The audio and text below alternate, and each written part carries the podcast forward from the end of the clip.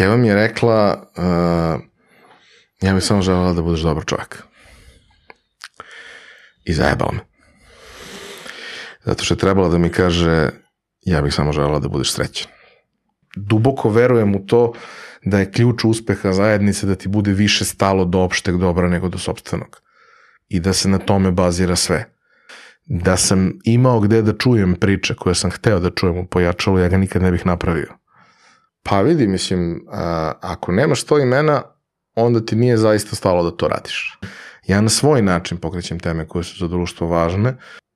Moj posao je da napravim nešto što je vredno pažnje. A do koga će to da dođe, vidi, 20 godina sakupljanja nekakvih ljudi u svom okruženju dovede do toga da imaš neki društveni kapital, pa ne krećeš od nule, krećeš od nečega. Realnost je da postoji konačan, ne preveliki broj ljudi koji ma ovako nešto prija interesuje ih i tako dalje. Grad je predivan za vožnju noću, jer tad nema ljudi. Treba reći, jer što ja to ne bi rekao, što se ne bi zamerio nekom bar u ovom podcastu, jedan prosečan programer ne može da bude bolje plaćen od uh, sudije Vrhovnog suda, uh, vrhunskog hirurga ili bilo koga ko radi neku takvu stvar koja zaista ljudima menja živote. Znači, ne možeš da nađeš normalnog konobara mlađeg od 30 godina. Majstori trenutno dobri imaju dnevnicu koja je viša nego u IT-u, jer ih ima manje. Kad smo postali narod koji izbegava sve što je teško. Hvala što si me zvao u stotu epizodu, hvala što uh, me taguješ redovno u epizodama kao inspiraciju. Lepo je biti inspiracija nekome ko radi sjajne stvari. Jer imam predstavu koliko smo mi pričali, ali to je u ostalom tvoj problem. Gotovo ništa ne uspe u prvom pokušaju. Još podcast 1. Pozdrav svima, dobrodošli u još podcast 1. Moje ime je Ivan Ćosić. Na početku želim da vam se zahvalim što nas gledate, što nas slušate. Ostavite nam neki share, like, subscribe, a posebno komentare, naročito posle ove stote epizode. U ovoj epizodi gost mi je moj stari drug Ivan Minić, stari prijatelj. Um, jedan od ljudi koji su me inspirisali da pokrenem ovaj podcast, naročito sa njegovom čuvenom pričom koji je bio savez za sve podcastere, napravite spisak od 100 ljudi sa kojima ćete razgovarati u svom podcastu i to će vas terati da izdržite, zato sam želeo da sa njim pričam u 100. epizodi kada ispuštujem to, taj njegov savet za svoj podcast. Na početku takođe želim da, da se zahvalim našim sponsorima, to su Beans Kafa, uz koju razgovaram sa svojim gostima. Bin želi da vam neki super kafe donese do vašeg doma ili do vaše kancelarije. Pogledajte njihovu ponudu, uh, linkovi su u opisu ove epizode. Naš drugi sponsor je Scandinavian Design Center, u njihovim stolicama sedimo i ovo će biti svojevrsni test za njihove sjajne stolice, tako da pogledajte Scandinavian Design Center je zastupnik super uh, skandinavskih brendova za Srbiju, E, takođe njihov, njihov link je u opisu ovog podcasta, a, proverite, a, e, kliknite na taj link, a da vas ne bih dalje zadržavao, uživajte u ovoj epizodi i hvala vam što ste uz nas svih ovih 100 epizoda do sada. Šta ima novo lepo? Može neko lakše pitanje. ima, ne znam, ima svašta nešto kod mene se uvijek nešto radi, ali ovaj, um, nadao sam se da će ova godina da počne malo bolje, Hmm. E, ispostavilo se da, ok, po nekim parametrima jeste počelo bolje. Ovaj, ništa o čemu trenutno mogu da pričam jer ništa nije ni završeno, niti je u fazi da može bude vidljivo, ali kao ima nekih zanimljivih dešavanja. Ali naravno ta neka ovaj, navala lavina loših vesti je nekako sve prisutna i mislim da situacija oko nas definitivno veoma apeluje na našu rezilijentnost. Nisam siguran koliko ćemo sve izdržati to sve, ali vidim i pa, iz razgovora sa ljudima i sve da su na ivici od svega. Sa jedne strane imali smo COVID koji je bio takav kakav je i naravno da nikome nije prijao i naravno da je to sve bilo užasno, ali si sa COVIDom imao uh, ono, imminent threat, što bi rekli, dakle, nešto konkretno se dešava od čega treba da se plašiš i kao ako izbjegneš to u principu si ok, ako baš vodiš računa bezbedan si, neće Mhm. ništa biti. A sad mi se čini da se jednostavno loše stvari dešavaju kao posljedica svega i mm, toga što ne vodimo svi računa i lošeg života i mm, lošeg vazduha i svega, svega, svega i stresa nagomilanog 30 godina unazad. ovaj, ali nekako se koncentrovano ovaj, a, manifestuje sada i čini mi se da, da ono, jako malo lepih vesti. I onda kad ima neka lepa vest, da se onako prilično očajnički držimo za nju. A, pa zato sam i počeo, pošto ono, vi ste uveli to, pa ste posle dodali ono mančmelo pitanje, ovaj, ovaj, kod tebe je to obeležilo podcast i onda su i, i drugi počeli isto i onda a, kad sam pričao sa Draganom iz Skillsa, on je rekao kao, on u stvari pos, počinje pitanje s ono, ljudima razgovor šta ima novo, ali obavezno doda lepo, kao batali ružno. Pa mislim, novo je da ćemo da obrnemo još jednu brojku na ovaj, kilometar satu ove godine i to je to i da ćemo da nastavimo svi da se borimo i da statistički i dalje u dobrom procentu pobeđujemo. Tako da, to je to. Dobar procenat šuta. Pa mislim, znaš kako, skoro sam baš nešto ovaj, kroz ono konsultantski rad imao neku diskusiju sa, sa klijentom koji je vrlo bio zabrinut šta će da se desi sa, sa nekim projektom. Ja nisam bio ni izbliza toliko zabrinut, iako jesam neko ko ne mogu da kažem preterano brine, ali je vrlo obazriv oko stvari, ne daje obećanja koja misli da se neće desiti i tako dalje. Vrlo sam odgovoran prema tim stvarima i on gleda i u panici, ja nisam, ja sam principu sam siguran da će da bude okej. Mhm. Da li ćemo postignemo ono što bismo hteli, mm, ono što smo obećali hoćemo, ono što bih ja voleo, ne znam, vidjet ćemo, ali sad naravno to traje i on je u frci i sve, ja mu kažem kao, brate, ne, nema garancija, ne postoje garancije. Pa da, kako to možda mi kažeš? Pa tako je. Ali ono što isto mogu ti kažem na bazi iskustva ovih 20 i kusur godina, na mene najniža kvota. Pa sad ti vidi šta ćeš, znaš. Ovaj, prosto, ono, idemo, probamo, radimo, uporni smo, ne odustajemo tek tako, obično u nekom trenutku probijemo tu neku barijeru koja je problem i onda stvari idu nekim boljim tokom. I generalno, ono, uh, ne odustaje od stvari u, u prvom pokušaju. Gotovo ništa ne uspe u prvom pokušaju. A u ovom prethodnom periodu izdao si knjigu, a ovaj, jel te o- naziv knjige najbolje opisuje? E, ne znam da li me najbolje opisuje. Ovaj, jeste jedan od načina na koje su me ljudi opisali, ljudi koji me poznaju. Ne baš jednostavan, ali veoma dobar čovjek. E, jeste jedan od Za one načina koji samo slušaju. Na koje me ljudi opisuju. E, jedan drugi ovaj, koji je isto bio opcija za neku narednu knjigu je e, um, Harsh Truths and Unfiltered Opinions. Aha. Dobro. E, što je isto onako dosta ovako karakteristično i, i, i, i jeste ovaj, negde, negde vezano uz Surova mene. istina i nefiltrirana, nefiltrirano mišljenje. Pa recimo, Stavovi. mislim, ne bih ja, ne bih ja mogu prevedem takve stvari nikad, ovaj, jer izgubim gomilu ovaj, nekih ono, a, kao kad optimizuješ audio. To mi je taj osjećaj. Znači i dalje je to ta pesma i dalje je na onom monofonoj melodiji Final Countdown, Final Countdown, Da. ali nije to to i ne mogu ja to tako.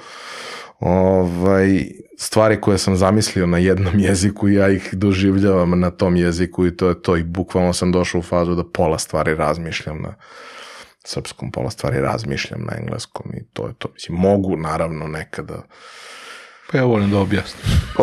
pa, razumem, ali, znaš, kao, nekako ni, nisu mi te stvari iste. To je moj matori nekad znao da kaže kao, znaš, prevedi u duhu jezika. Da prevedeš značenje nije neki naročit problem. Značenje može da prevede svako ko razume bazično, ali prevesti nešto u duhu jezika je zapravo jako, jako komplikovana stvar, zato što ako je književno delo, baviš se mentalitetskim stvarima, mentalitetske stvari se ne doživljavaju isto na matičnom i na jeziku prevoda. I teško je ovaj, udahnuti dušu u nekom prevodu. Neki ljudi to zaista umeju da rade i onda ti imaš situaciju da su neki pisci prevedeni bolji nego što su u originalu. Da, da. Sa druge strane imamo mnogo više ovih drugih primjera gde... E, ali mnogo se cimaju u poslednje vreme ljudi baš zbog toga, jer onda ti prevodi budu primećeni jako. Pa, se e, neko iscima. meni se dosta često dešavalo da knjige koje sam pročitao u originalu kupim na srpskom, krenem da čitam i posle pet strana kažem, brate, ja ovo ne mogu da čitam. Pozdrav za prve kompjuterske knjige svoje vremena. Najveći problem ko, koji imam, uh, koji mi se deš, desio par puta i posle sam saznao da to nije baš ono, nije baš redka praksa, je da ja ipak istrajem i iščitam recimo, ne znam, 60 strana i onda provalim da uh, je različit stil.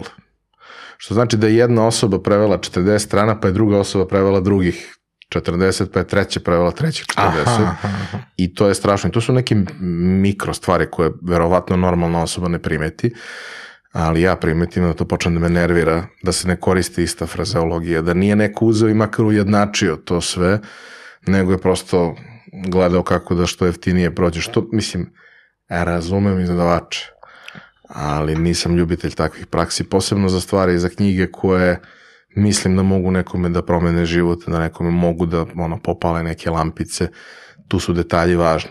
Mm. Meni su makar uvek bili. A što se tiče ove moje, ovaj, nemam ja tu bog zna šta pametno da kažem. Mislim, to, je, to nije trebalo se desi. Ali se desilo. Šta nije trebalo se desiti? Pa nije trebalo da nastane. Nije bilo planirano da nastane. U nekom master planu šta će da se dešava tog meseca, te godine, nije postojala knjiga. Aha. Niti je postojao plan šta ta knjiga treba da bude. Ja sam seo jedno veče, napisao 15 strana, pročitao ujutro to što sam napisao i rekao, ok, ovo dobro. Da može bude bolje, sve može da bude bolje, ali ovo je dobro. Mm, najde ja otkucam šta još mi stoji na pameti i faktički ono u tri, ma ne pune tri dana sam napisao sve. Nisam pročitao, pročitao sam samo to prvo što sam napisao. Mhm. Ovaj, jer sam bio u fazonu, ono, izašlo je, ako krenem da čitam, krenut ću da ga prekrajam, ako krenem da ga prekrajam, Nikad kraja. ne, nešto, prvo, verovatno nikad kraja, a drugo, mislim da ću da izbacim svašta nešto lepo, zato što ću da analiziram da li treba da bude tu ili ne treba. Ako je izašlo, treba bude tu. I onda sam poslao bukvalno ono, četvoro, petoro najbližih ljudi i rekao, ajde vi ovo pročitajte pa mi recite je li ovo đubre. To je jedini kriterijum. I rekli su mi svašta, pominjali mi majku što nisam ranije to seo da radim, neki su plakali i tako dalje. I ja sam skapirao da nije đubre. I bukvalno ono kao, ali znaš, moglo bi da bude mnogo bolje ako bi urednik došao, ne, ne, ne, ne, ne, mislim, ne pretendujem da budem pisac, ne pretendujem da to bude književno delo, ja ne znam da ti kažem šta je to. To je zbirka kratkih priča, ajde, u suštini je to. Mhm. Ali, mislim, imao sam te situacije, kao pošto knjiga jeste o meni, o mom odrastanju, formiranju i svemu tome, knjiga nije biografija. Mislim, ne, ne bavim se time na taj način, barem je ja ne doživljavam tako. Imao sam te neke ono, ljude koji me površno znaju, pa sad su pročitali knjigu, pa sad misle da me znaju bolje i kao, ja, ja znam sve o tebi. Sine, znaš, 1%. I to ne ni najzanimljiviji 1%, jer nisam ja stvari koje su najzanimljivije stavio u knjigu, nego nešto što mi u tom trenutku palo na pamet. Gomila stvari koje su zapravo najinteresantnije ne mogu da se stave ni u knjigu, ni u podcast, čak i da se anonimizuju, prvo svi će znati ko je, a drugo nisu nešto o čemu treba da se priča danas. Možda za 30 godina, za 30 godina verovatno neće biti relevantno i, i to je to. Ali jeste neki ono, mislim, šta je bila ideja? Ideja je bila da ja ako već toliko pričam o storytellingu, ako sam se obavezao da ću na te godine na konverziji da pričam o storytellingu, da kažem šta ja znam o tome. Ovaj, I kako sam ja to naučio. Mhm. Pa sam shvatio da možda ne, ne samo to, jer mm, mislim, to nije jedina stvar kojom se bavim, zapravo to je stvar kojom se bavim hobistički i tako dalje. Kao, ok, ja malo da dam i neki širi kontekst, ja volim tako da dam širi kontekst stvarima i onda je to u principu bilo to i mm, kada je, kada sam napisao, mislim da ljudi koji me, koji me dobro poznaju nisu saznali skoro ništa novo. Mhm. Ovaj, možda su se neke stvari malo bolje složile na neke police. Neke stvari koje su lebdele u vazduhu, pa su sad znali odakle, kako, gde, šta je prethodilo, šta je bilo posle. Ali u suštini nema tu nešto mnogo stvari koje ja nikad ranije nisam rekao. Ali ima jedna stvar koju, koju nisam nigde pričao na taj način makar, odnosno može da se čuje u podcastu, ali to je ono fragmenti u mnogim epizodama pomalo. A to je neki misalni proces koji je iza toga. Jer stvari koje se dešavaju su spoljna manifestacija, to vidi bilo ko ko je bio prisutan taj dan.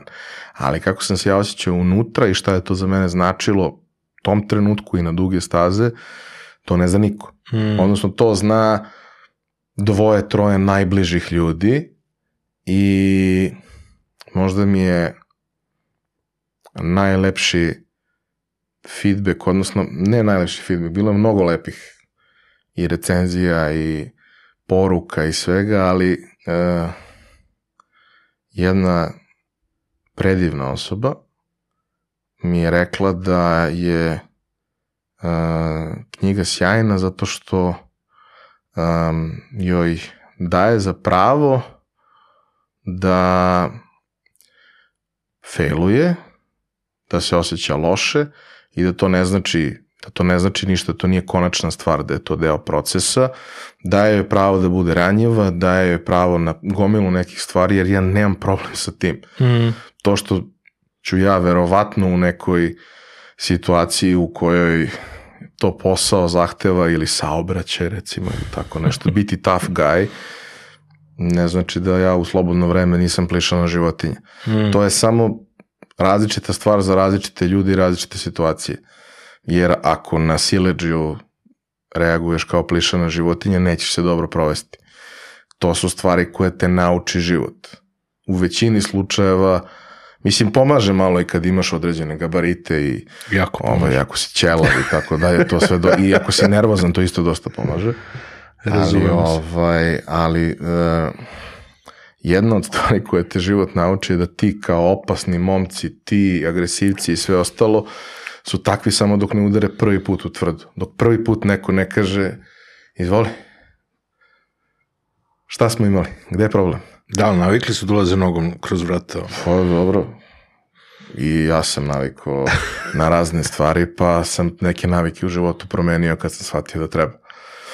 Znaš, to su ono, ne kažem da sam eh, bilo kog uh, sileđu konvertovao u normalno ljudsko biće, ali zaista verujem da je borba jedina konstantna stvar u životu za svakog od nas i da je jako teška, ali da je kao i sve ostale teške stvari nešto malo manje lakša, ovaj, nešto, nešto malo manje teška, nešto lakša, ako imaš kondicije. Tuča u Banja Luci nije ušla u knjigu. Šta sve nije ušlo u knjigu. Znaš, imao sam te neke situacije u kojima ljudi ovaj, kao pričamo i sad kao ti ne možeš da razumeš kako je meni teško i neprijatno na poslu iz, jer mi se dešavaju te i te stvari jer tebi se to nikad nije desilo. Kao, mm, možda da ja ispričam kako je izgledao moj prvi posao i kako su se tu stvari dešavale. Neću, ima previše ljudi koji su tu umešani, ali jeste malo neprijatno kad ono sa 18 godina um, dobiješ ucene koje su ono um, seksualnog karaktera od strane vlasnika, a odnose se na njegovu ženu. I onda shvatiš da možda eto, možda nije baš zgodno i ti kažeš ne jer ne želiš. Ovaj, I on ti kaže nema problema, sve će biti u najboljem redu i onda narednih mesec dana tvoj život postane pakao zato što si rekao ne. I dalje mislim da treba da kažeš ne. A ono, sve ostale stvari koje se dese, te nauče da malo bolje proceniš ljude, te nauče da uh, malo više ceniš svoje da i svoje ne u nekim situacijama i u principu to je to, znaš, ono, ne postoji osoba koja je prošla ono, o količinu stvari koje sam ja prošao u ovih 20 i kusur godina, koje se nije desila abnormalna količina neprijatnih situacija i sranja. Ali statistika, jel hoćeš da se desi mnogo toga dobrog? Na koliko loših situacija se desi jedna dobra? Fanel, fanel. Znači, ubaciš par desetina hiljada situacija i ispadne sto dobrih. I ko zna koliko Imali smo druga koja je znao da pita sto žena, dve će reći da. I to je legit ako ti je to cilj.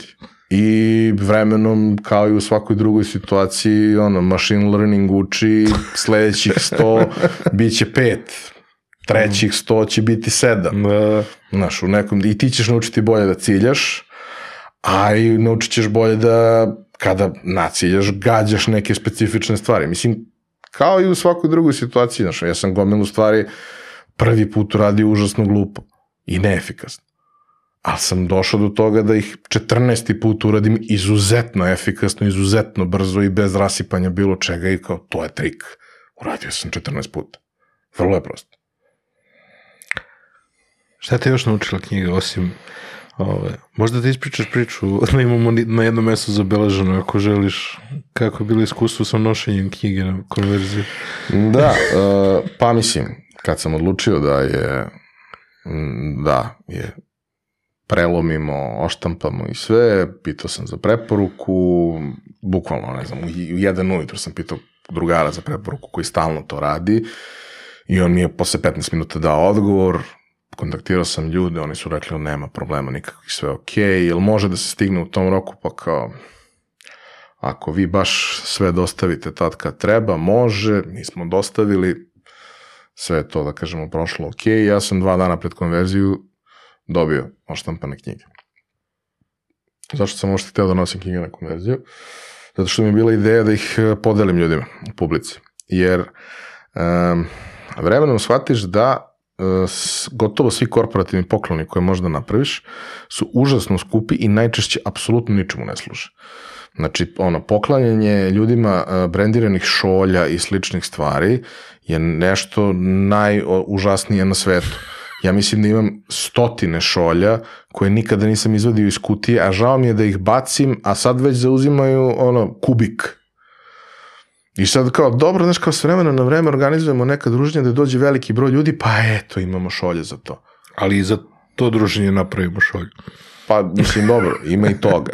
Ovaj, a da je knjiga zapravo veoma jeftina stvar za produkciju ako je neštampaš sa ciljem da ćeš da je prodaješ, mm. mada se ova i prodaje u nekim količinama koje nisu, nisu beznačajne. Mm. Ja, mislim, niti promovišem, niti sam se bavio nešto time, ali ja tu ljudi kupuju iz kog god razloga. Ja sam većinu podelio ovako. Ovaj, I da ti suštinski, ne znam kakva je sad situacija, verovatno se malo promenilo, sirovinska baza Ukrajina i sve ostalo, ovaj, ali pre godinu dana, otprilike to što sam ja hteo da uradim sa tim papirom koji sam hteo, jer ja sam malo bolestan, mora 120 gramski papir, mora bude beo, ne sme bude providan i tako dalje, jer su to stvari koje me užasavaju kod knjiga. Ove, sve to tako kako sam ja zamislio, sa tim finišom koji sam hteo i sve, tipa, ne znam, evro 10 po knjizi. Mm -hmm. Ti za evro 10 ne možda napraviš ništa. A knjiga je stvar koja ima vrednost.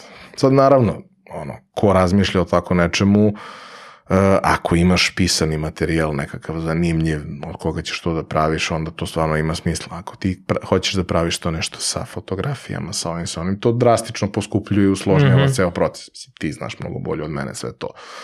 Ali ako praviš nešto što je pisana, pisana reč, ovaj, ili što su, što u pošti kažu štampana stvar, ovaj, znači, na, najveća uvreda koju neko može dobije za nešto oko čega se ovaj, potrudio je to kao, e, štampana, jel da ga šaljemo kao štampanu stvar? Dobro. Mislim, jer realno jeste, ali kao, znaš, to je jedan ipak komadić mene. Ovaj, ako imaš nekakav zanimljiv materijal, ako umeš da ga složiš, strukturiraš, ako imaš ko će da uradi lekturu i sve to što je realno re, vrlo mali posao na ovakvom nekom obimu, ovaj, to je mnogo lep poklon i to je poklon koji može nekome da promeni život. Ja znam ljude kojima je ovo makar malo promenilo život. Nisam ga pisao sa tim ciljem, zapravo nisam ga pisao ni sa kakvim ciljem. Pisao sam ga zato što eto htelo da izađe, pa ne moram baš da ga suzbijam jer je bio period kad je bilo par dana praznika, mm. Ali nisam ga pisao sa nekim velikim ciljem. Ovaj, I to što, što se desilo, se desilo. Elem, šta je bilo sa... Uh, to je stiglo dan, dva, dva dana, ja mislim, pred konverzijom, tako nešto. Ovaj, I ja sam pitao koliko ljudi, oni su mi rekli 500 i nešto, ok, kao to je ne znam koliko paketa, 25-6 paketa. Ovaj, natrpao to u kola i krenuo. I bio u fazonu, ma vrate, ne, prvo, za to zaista nije previše zapreminski jer je knjiga mala, mm -hmm. težinski je solidno, ali zapreminski nije. I kao, neće biti problem, ako bude problem, ne znam, ono, ishendlovaću, častiću nekoga, ali imam u vidu da se sve dešava 1. aprila. Petak, 1. april, petak.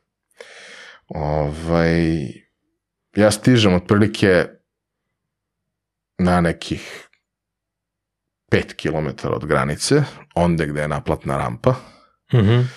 i shvatam da je sve tu, osim mog pasoša. Dobro.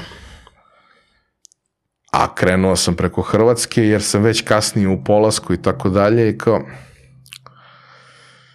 aj vratit ću se kući po pasoš, nije to toliko, to je sat vremena, nema veze, taj dan nije ni bitno kad dođem, bitno je samo da dođem u toku dana, nekad vratim se ja kući, uzem pasoš, krenem ponovo i sad zato što sam izgubio tih još dva sata, ja sam u suštini na granicu stigu u tri popodne.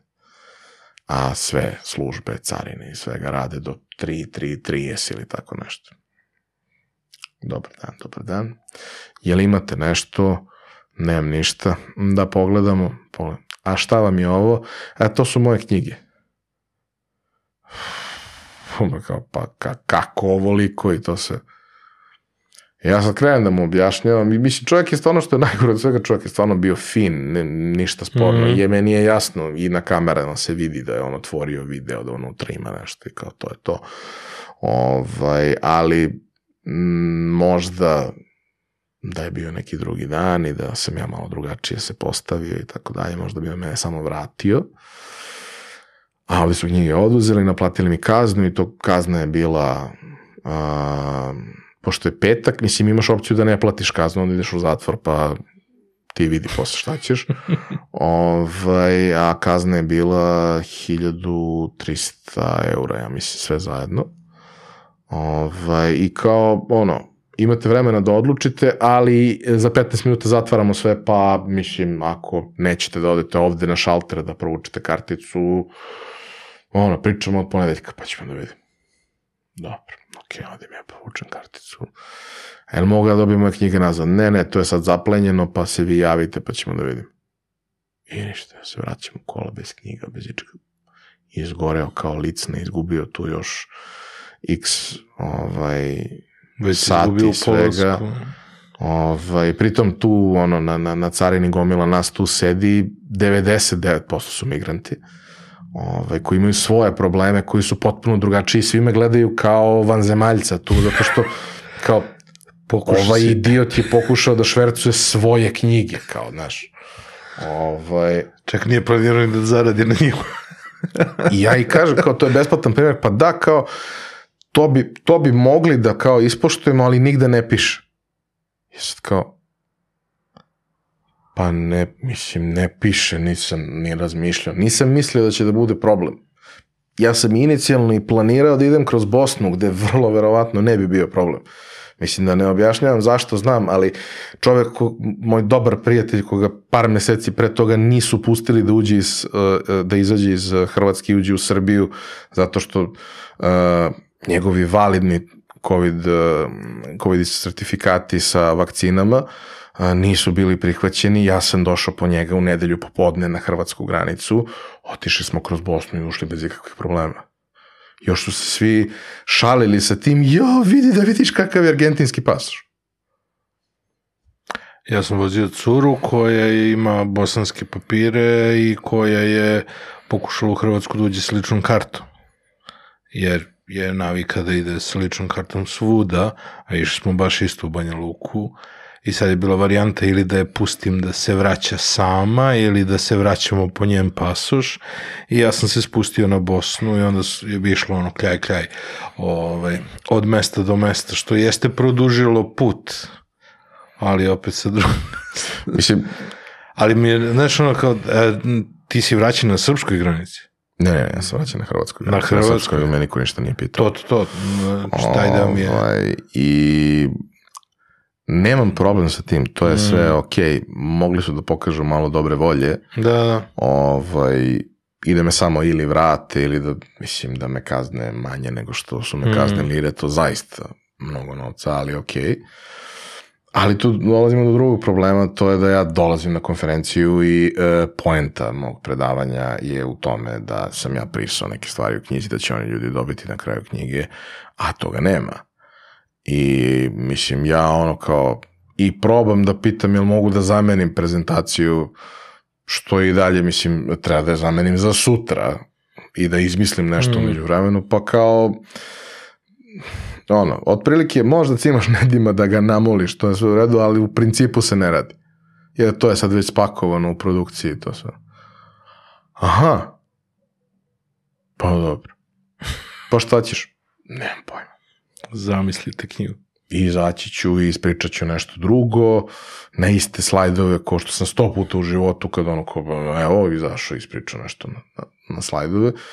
Imao sam lepu ideju šta treba da bude priča, imao sam neke ono stvari koje suštinski nisam ni morao da menjam, niti sam Mm. menjao, ali je bilo dosta stvari koje sam morao da im kažem sad zamislite. Jebi ga.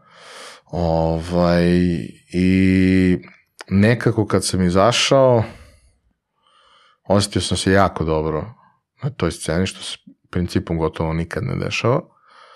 Ovaj, bila je jako dobra konferencija do tog trenutka i vidio sam gomilu ljudi koje stvarno mnogo volim i koji su koji su se svi potresli i ispostavit će se na kraju oko toga više nego ja, otprilike.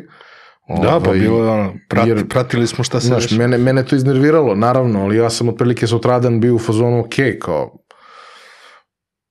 to je proteklo i već je ko zna gde i to je to, sad život se dešava, Mm. idemo dalje. Ovaj, ali kažem, bila je jako dobra konferencija, dobri, dobri predavači, jako zanimljive stvari, ali suštinski svi su imali ovaj, predavanja koja su bila vrlo egzaktna, vrlo su se bavila metrikom, vrlo su se bavila um, brojkama, konkretnim stvarima. Bilo je par ljudi sa nekim strateškim ovaj, pogledom na stvari, ali i tu je bila opravdanje za tu, tu strategiju su bile brojke.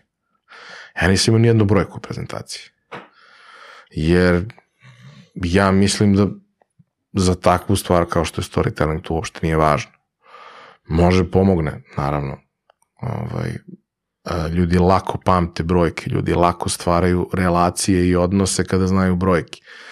Znaš, kao, na, naš, nama posao ide jako dobro. Kaži mi koliko je to dobro u redovima veličine da ljudi shvate. Kaži mi koliko imaš zaposlene, koliko dugo radiš, koja je količina, ne znam, teglice, ajvara, koliko teglica ti prodaš godišnje, pa ću na osnovu toga ljudi da steknu mnogo jasniju sliku o svemu tome, o kompleksnosti i tako dalje. Da, sa, ali, sa ovaj- brojkama razumemo, a sa pričama pamtimo. Ovaj, I onda sam ja uzeo da pričam priču, kažem, koja je bila onako, ja sam se dobro osjećao, pa ona dobro zvučala, ali mnogo toga bilo ono, usput smišljeno, improvizovano, Mm. suštinski predavanje improvizovano na sceni. Uh, imao sam situaciju da sam u jednom trenutku kako umem ovaj, opsovao na sceni i to baš uh, boga što principu ljudi baš i ne vole i u tom trenutku jedan gospodin iz publike ustao besan i izašao. Posle su mi objasnili da je on vrlo, vrlo religiozni musliman koga je to jako pogodilo ali bio jedini koji je izašao, svi ostali su otprilike, mogo si da čuješ kako dišu, što je u principu dobar znak. Niko nije komentarisao, niko nije pričao ništa. Pustili su me da malo probijem termin što kod eh, Nedima u nemačkoj organizaciji nije baš opcija, Mm. mene su ipak pustili. Mislim, vrlo malo, par minuta, ali svejedno. I onda sam dobio jedan jako veliki aplauz. I gospodin Miroslav Varga je ustao iz drugog reda i rekao, ja znam ovog čoveka. ovaj, I onda mi je bilo jasno da sam uradio nešto dobro. Jer sam znao da to ima smisla, da će to ljudi da, da, da je na emotivnom nivou priča vrlo moćna i ona govori o tome koliko naš posao ima ili nema smisla. Mm. Vrlo često nema. Ovaj, a da eto bi možda mogli za promenu da se malo više bavimo stvarima koje imaju smisla, jer ako ćemo se i za deset godina baviti ovime, onda ako stalno radimo stvari koje nemaju smisla, bit ćemo isključivo nesrećni. Ovaj, I pošto to je bilo jedno od posljednjih predavanja, bilo još dva, tri posle toga, bilo je glasanje i kao sve to i dodala nagrada i meni su ljudi počeli da pričaju kao ne, ne, kao spremi se, izaći ćeš ponovo, ako ne, ne, kao ne, ne, ne, spremi se, izaći ćeš ponovo, kao pratili smo mi kako to ide i ono, ne znam tačno kako oni to zovu, da li najkorisnije ili šta, ali kao Taj veroglasanje. taj, postoje tri ona check marka njihova logotipa, žuti, žuti roze recimo i zeleni, zeleni je kao ono MVP, a ovo je ne znam najzanimljivije i Rising Star na primjer, Mm. nešto tako ima, ima svoje nazive. I oni su kao proglasili uh, treće, drugo mesto, ja sam bio fazonu dobro rekao, ne moram da izlazim. I onda su proglasili prvo i kao pa dobro. I ono, mislim nije prvi put u životu sve to, sve to okej, ali Uh, nisam očekivao, bio je jako ozbiljan emotivni roller coaster tih nekoliko dana i bilo je mnogo stresa i sranja i nije loše što se desilo. Drago mi je što se desilo jer mi je reklo da mogu tako s vremena na vreme da pokrenem neke teme za koje mislim da su bitne, koje su jako komplikovane i ne mogu da stanu u TikTok format ili shorts ili bilo šta slično i da postoji trocifren broj ljudi na svetu kojima će to biti interesantno, a da su to ljudi koje volim, poštujem, koji su sjajni i zbog kojih ima smisla da ja to se iscimam tako i da imamo temu za razgovor. Eto, dolazimo sada do, jako si napravio dobru konekciju od storytellinga do podcasta. E, namerno sam te zvao u stotu epizodu.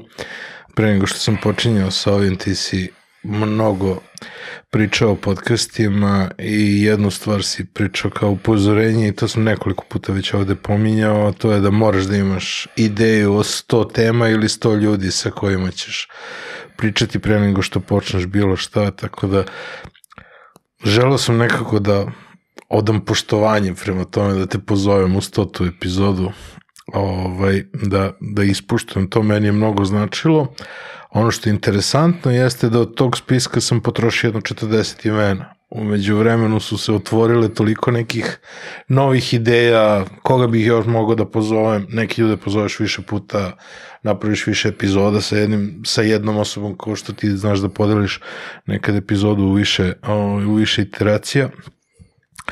A, zašto je to važno? Zašto je važno imati 100 imena ili zašto, Zašto je važno, važno imati podcast?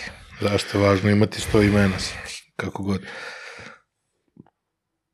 Pa vidi, mislim, a, ako nemaš 100 imena, onda ti nije zaista stalo da to radiš. Onda je to neka faza, nešto što želiš da probaš, nešto što...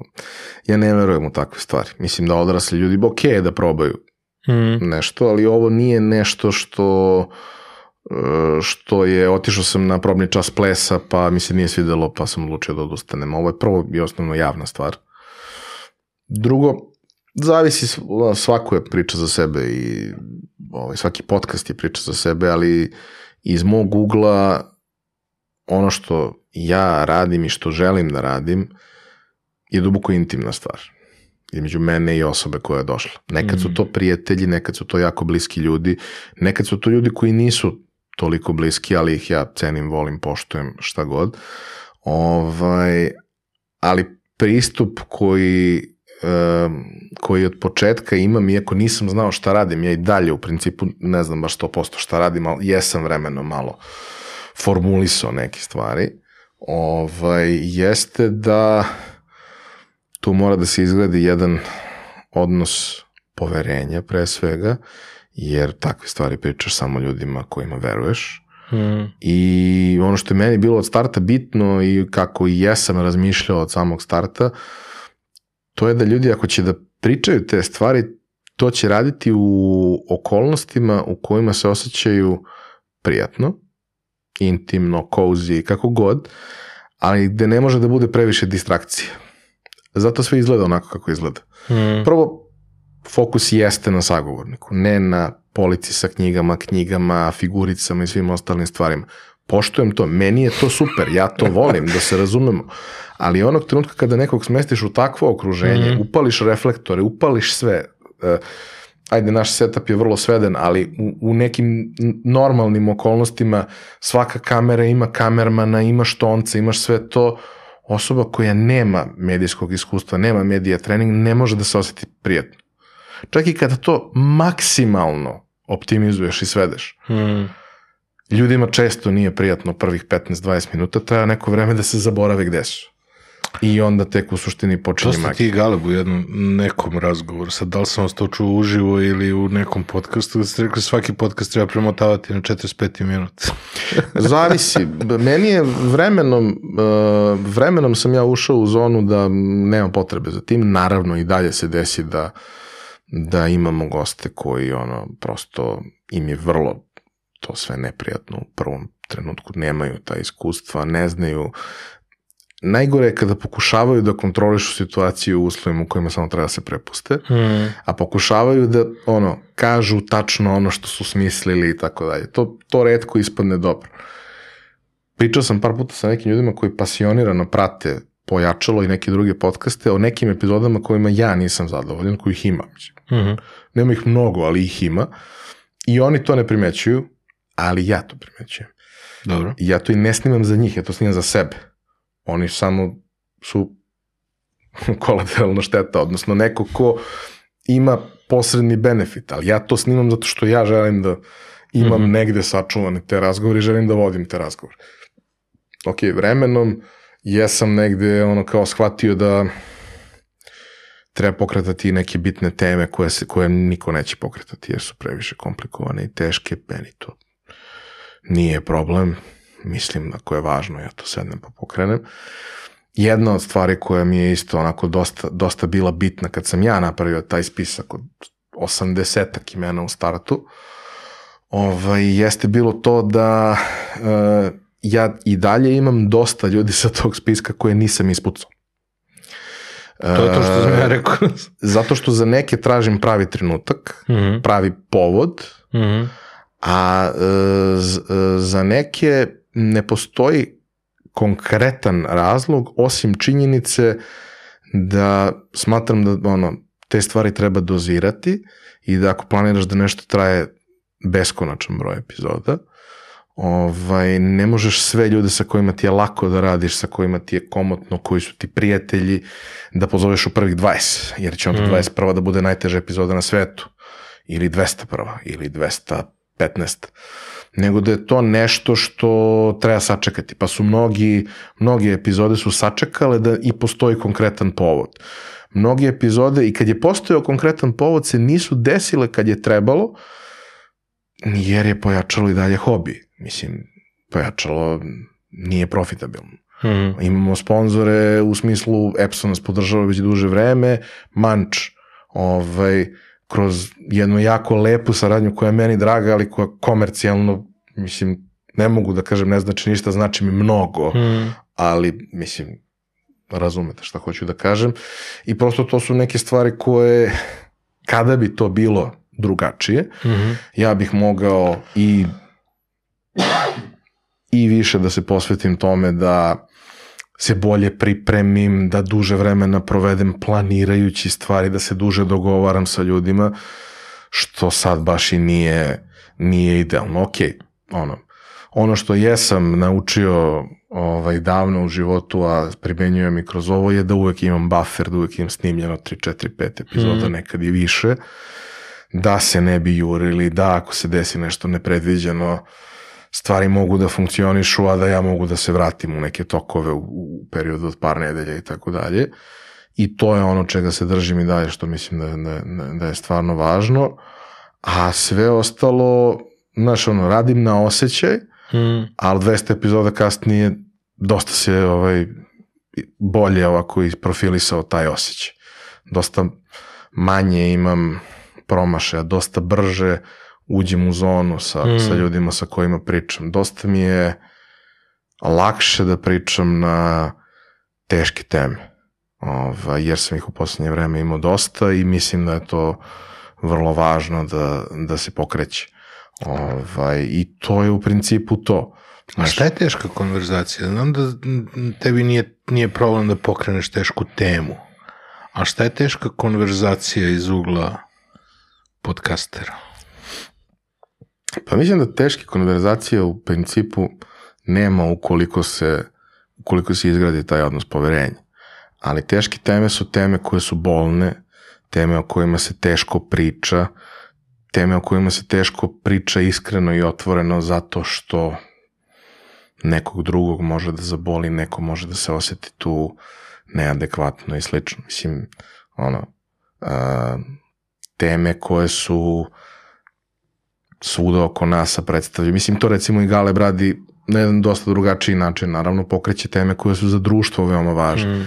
Ja na svoj način pokrećem teme koje su za društvo važne, pa tako recimo, ono, ne znam, ima baš mnogo epizoda koje, koje volim, ali naša epizoda sa Goranom Nikolićem, vidim da i ti imaš knjigu, ovaj, E, imam, ali sam ostavio prostor, teo sam ja da ga pozovem, ali sam shvatio da ćeš ti da ga pozoveš i onda sam bio u fazonu. Sad će biti baš dobar da se... povod, zovi ga i ti. Hoće. Ovaj, ali jeste negde, znaš, uh, mislim, to smo imali na konferenciji kao situaciju, kao, ok, sad tu imamo, ljudi skaču na sceni, mislim, jedan je Srđan da se razumemo, ali ono, ljudi imaju to, scenski nastup, to, to prezentacije, to puca, animirano, sve izlazi jedan stariji gospodin za koga niko ne zna ko je i šta je, zašto je uopšte u keynote slotu, mislim, jer kao mm. u keynote slotu su samo ljudi koji su čudo, izlazi, nema prezentaciju, nema ništa, pomažu mu da izađe na scenu, jer ona scena i ako sve vidiš dobro i dobro te služe noge, nije baš najstabilnija stvar na svetu. Seda kreće vrlo tiho da priča, žamor je jedno četiri sekunde i nakon toga tajac i 45 minuta 200% fokusa sa samo povremenim suzama i nekim takvim stvarima u publici i ti onda shvatiš pa dobro, je, je li ti teško? Ajde, ajde, ajde. Hoćeš da vidiš šta je stvarno teško. Jel te ne razumeju? Hoćeš da vidiš kako izgleda kad te stvarno ne razumeju. Mm.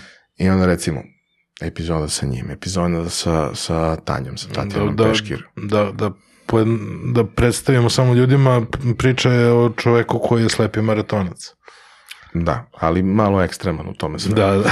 Nekoliko puta je obarao svetski rekord Pogledajte u broju tu epizodu, pojačala svaka preporuka. Mislim, Izvini. Bože zdravlje bit će i kod tebe. Hoću, hoću.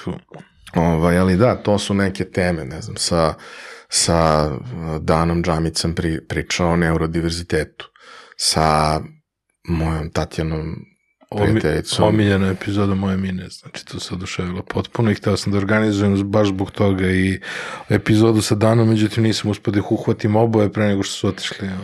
Dobro, Bože zdravlja, opet bit će prilike, ja želim Lazara da dovedem ponovo sad kad mm. znam da vodim podcast. Da. ovaj, kao što sam reč kad doveo ponovo sad kad znam da vodim podcast. Da. Ovaj, ali, znaš, kao razgovor sa, sa Tatjanom, ko je ona, kad izgooglaš nećeš naći skoro ništa. Tatjana Peškir, tema je autizam. Ako je tražiš, naći ćeš je sa njenim suprugom u emisiji gde se priča o prevari sa uh, bankom matičnih ćelija i tako dalje, znači ništa što ima bilo kakve veze sa bilo čim. Mm -hmm. Ali ta epizoda je barem 50 ljudi koje ja znam tektonski promenila život zato što su skapirali uh, da nisu budale nego da samo nisu znali šta su. I da su dobili ključeve, ali nisu dobili uputstvo za korišćenje. I da oni uporno pokušavaju sebe da koriste na način na koji nije napravljeno da se koristi. A, meni je istraživanje teme a, spektra autizma bilo vrlo značajno zato što sam relativno davno skapirao da nisam baš kao svi ostali. Znao sam i da nisam nekakav težak slučaj i tako dalje, jer je to vrlo vidljivo, ali sam primetio niz nekih problema koje mi nije bilo jasno da objasnim sebi. Ja sam inženjerski tip, ja volim da razumem stvari. Ja volim da razumem kako funkcioniše aparat za kafu, pa ako ne mogu da razumem sebe, onda sam u problemu. I onda sam dosta dobro uspeo da izmapiram neke stvari vremenom, ali mi je naravno falilo gomilast nekih momenta. I zapravo mene Dana upoznala Mm -hmm. sa, sa Tanjom, jer je Tanja trebala pomoć pri organizaciji konferencije neke i e, Laza me pitao je li ok da da tvoj konto kao naravno sve što treba, tu sam ne, komercijalno nekome nebitno, znači Mhm. ono, kada porodica Džamić pozove ti dođeš, znači nema tu sad, jel bi mogao, mogu, pa nisam ti rekao šta, nije važno, Znam. nije bitno. ovaj, I uh, um, nismo mogli da se vidimo nešto par dana, je bio haos, a njoj je bilo vrlo bitno vremenski da se to sve uklopi. Ja sam je poslao mailom šta da mi pripremi. Znači, ja volim da pišem te mailove, pišem brief, ja kad napišem brief, to je ono, mislim, posvećeno morsko prase može da napravi dobar odgovor na to. Ali to što sam ja dobio od nje je e, kao da sam ja sebi poslao brief i napisao odgovor. Aha, aha. I kao, ok, uh, ovo je ozbiljno. Mislim, i tema je jako ozbiljna bila i sve, ali kao, ok, ova žena je stala, ova žena se cima, um, sutra u tri hoćemo da sednemo na kafu, da popričamo o svemu tome. Seli smo na kafu, pričali smo ovaj, o tome jedno 20 minuta, onda smo pričali o svemu ostalom i onda smo skapirali da smo u suštini nas dvoje identični, osim tih vrlo očiglednih razlika koje se odnose na pol. Ovaj, ali da e, način razmišljanja, struktura, način na koji za, zaključujemo i sve ostalo stvari koje razumemo i stvari koje ne razumemo su potpuno isti. Ja sam pitao, dobro, a šta nije u redu s tobom? Jer ako ja znam šta nije u redu s tobom, onda znam i šta nije u redu sa mnom. I ona mi je rekla i onda sam rekao, dobro, ok, to sam shvatio. To sam shvatio i kod sebe. I onda smo imali nekoliko onako vrlo bitnih razgovora i ja sam baš imao želju da podelimo tu priču njenu, a i moju, očigledno, je li o nekoj samospoznaji, a uh, znaš kao, to je epizoda koju je video ili čuo vrlo mali broj ljudi, mali, 5, 6, 7 hiljada, nije mali broj ljudi, ali nije u 100 naj, najgledanijih i najslušanijih. Ali impact, rič možda nije veliki, ali impact je mm. neverovatan i meni je bilo važno i njoj je bilo važno i najvažnije mi je bilo da ona bude zadovoljna kako je to ispalo na kraju i ona je bila zadovoljna. I uradili smo nešto što je velika stvar. A šta će s tim da bude dalje, to nije do mene. Mm. Imao sam jednu situaciju, mislim da je, mislim da je dobro da je ispričam. Ovaj, ja nikad nisam bio čovjek koji beže od posla. Nikad. I u principu svaki dan mi je sve teško. Ali ja i dalje ustanem i dođem i sve to tako. Ali jedan, jedan dan dobijem mail od drugarice sa upitom možda ti je zanimljiv naš klijent, mi smo uzeli da mu radimo nešto PR privremeno ovde, neće on dugo, ali nešto mu treba lokalno da, da uradi i kao njegova biografija je stvarno interesantna. Pošaljem mi biografiju, ja pogledam stvarno van- vanredno interesantna biografija. Naš momak odrastao u Americi, napravio tri startupa, dva prodao, jako lepo, treći je vrlo zanimljiv, interesantan i tako dalje. I u taj treći, ne znam, u tom trenutku investirao Will Smith, a to je bilo par dana nakon što je nabok ovaj, Chris Rock. I kao, dobro, međutim to je bio neki potpuni haos sa obavezama i svim i ja sam nešto zaglavio i veče pre i dugo ostao i sve i ujutro treba da dođem u devet da snimamo jer njemu nešto relativno brzo nakon toga poleći avion, recimo, ne znam, u jedan poleći avion, nema baš tu lufta za nešto. Mm. I ja kažem Milošu, ja, brate, samo kad bi sad otkazao. A znam da, ono, ako ne uradim, ko zna kad će on ponovo doći iz Njujorka i sve to kao, ja, brate, kad bi sad otkazao. A ne znam čoveka. Mhm. Znači, ja sam samo pročitao biografiju, istražio, znam biznise sam istražio, ali o njemu nema mnogo više informacije od toga. Dolazi, mi sedemo, ono, kao, aj, popijemo kafu pre bilo čega i razmenimo pet rečenica i sedemo s njom. Razmenimo pet rečenica, ja vidim da, ono, momak je divan, srpski mu nije baš savršen jer 30 kusur godina živi u Americi i sve to, ali e, nema problem sa srpskim. Mm. Samo prosto u svakoj trećoj rečenici čućeš nešto što ti pokazuje da ne živi baš ovde. I mi sedamo i krećemo u priču i krećemo naravno sa Mančmelo pitanjem šta si teo da budeš kad porasteš i njegov odgovor je hteo sam da budem živ. Zato što to što je on otišao u Ameriku nije zato što su njegovi hteli da se bore za bolji svet ili dobili priliku za posao i sve ne. On je sa a, tri godine dobio dijagnozu kancera kosti i to je bila jedina opcija i on je 14 godina proveo lečeći se tamo, suštinski je postao tinejdžer, nije upoznao nikog svoje generacije osim dece u bolnici Mm. i ceo njegov život uh, je potpuno, potpuno neverovatan u svakom smislu i svako postignuće, ali taj moment gde opet, jel ti teško, uh, evo da vidiš šta je teško, pa da vidimo dalje, ali taj moment gde on kaže, znaš, malo drugačije se živi život uh, kada na svakih šest meseci ideš na neku kontrolu i znaš da bilo kada može da ti se desi da ti neko kaže, e, ono zlo se vratilo i znaš da nemaš previše vremena i onda želiš da uradiš što više u jedinici vremena. I sve to što je on ispričao, e, mene je raznelo, Miloša je raznelo, završila se epizoda i, ja sam mu rekao, izvini, ja mogu da te zagrlim? Zagrlio sam ga, jedno, jedno sedam minuta sam ga držao Mm. i tako malo smo se obojica tresli i onda smo ga ispratili na avion i onda sam ja rekao Milošu, ako sledeći put budem rekao za neku epizodu da bi volao da je otkažu, ti mi kaže da je jedan govna. I nikad to više nisam rekao i nikad to više neću reći, koliko god da mi je teško. A, Vlada Vukićević, ne znam koja je epizoda po redu, ali Vlada Vukićević, sada startup ovaj, Better and Better, jedna od najmoćnijih priča koje su ispričane u pojačalu u kojoj ćete naučiti svašta nešto o biznisu, ali ćete naučiti šta je život i kako izgleda stvarno se boriti svaki dan. Baš svaki dan.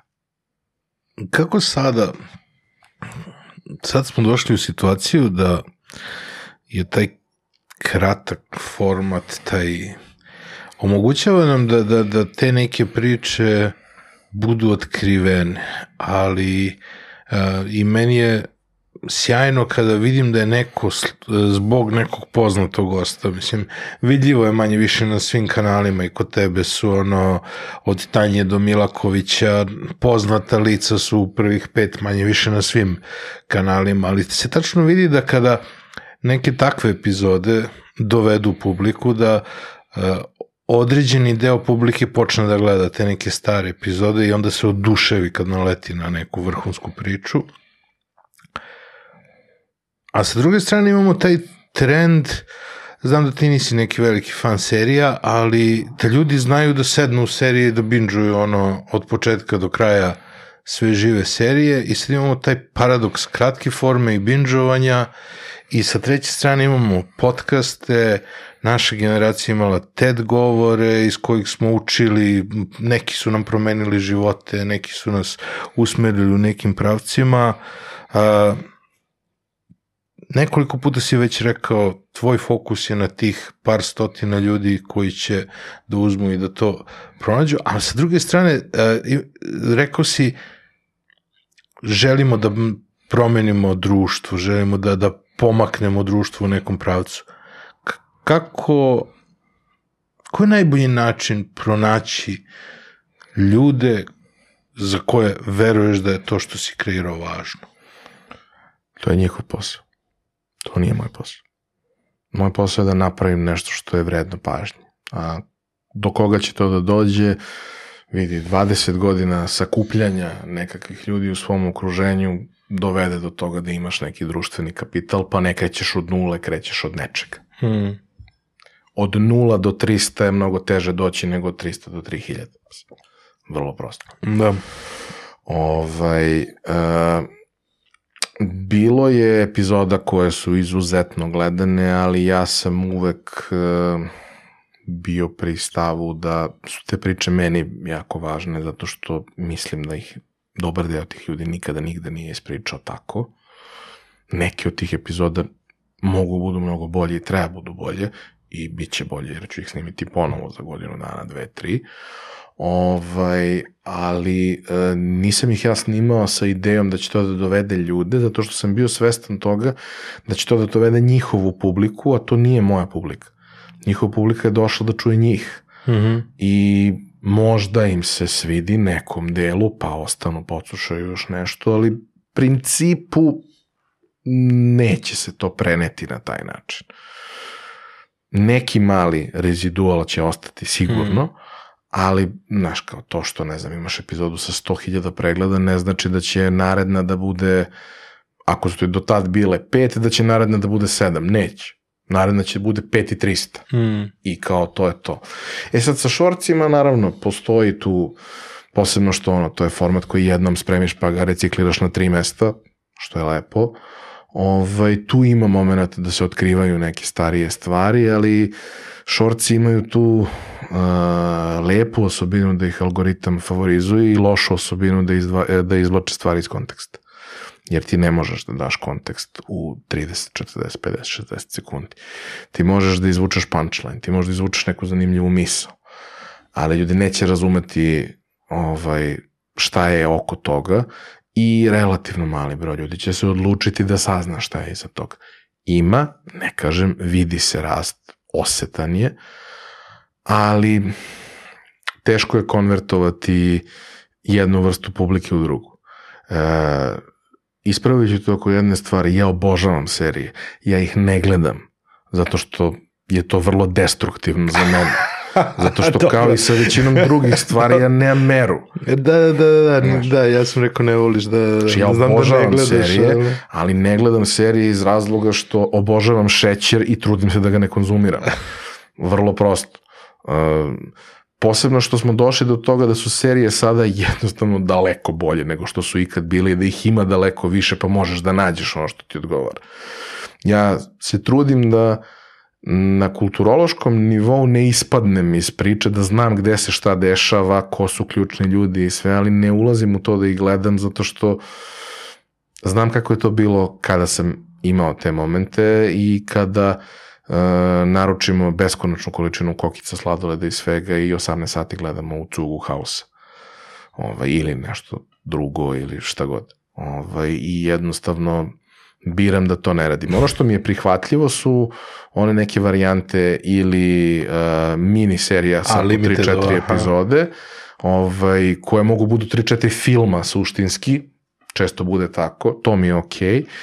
I uh, mogu da kažem, mislim da je poslednja, epizoda, poslednja serija koju sam odgledao uh, bila deo researcha zapravo. Uh, dogovarao sam se sa Mićkom da dođe i Mićko mi je rekao telefonom, uh, hajde samo molim te da prođe kljun, ovaj, jer kao ja sam svašta u životu radio, ali ovo je stvarno nešto posebno i molim te pogledaj i kaži mi šta ti misliš o tome, jer kao manje više kao moja uloga u svemu tome, ali način na koji je sve urađeno, kako sve izgleda, ko su ljudi, jer kao imaš neverovatno dobru seriju u kojoj se Mićka manje više ne znaš nijednog glumca. I oni su Sad, fantastični. Tada, kada je bila serija, nismo znali da, mada onaj, onaj inspektor subotički car i Sergij ga je ovde pomenuo da mu je to jedan od, po njemu jedan od najboljih mladih glumaca. Ja sam ga sreo. I sreo sam ga, recimo, mesec dana nakon što sam gledao mm. seriju. I sreo sam ga u, recimo, Kombank dvorani pred mm. Neku uh, premijeru filma gde je moj prijatelj pisao, jedan od ljudi koji su pisali scenariju, sreo sam ga ispred, prišao, on se naravno prepao jer kad priđe ogroman ćelavi čovjek nikome nije sve jedno i sam sam rekao, brate, Kljun je fantastična serija, to kako si ti odigrao je možda jedna od najboljih uloga na srpskom koju sam ikad čuo.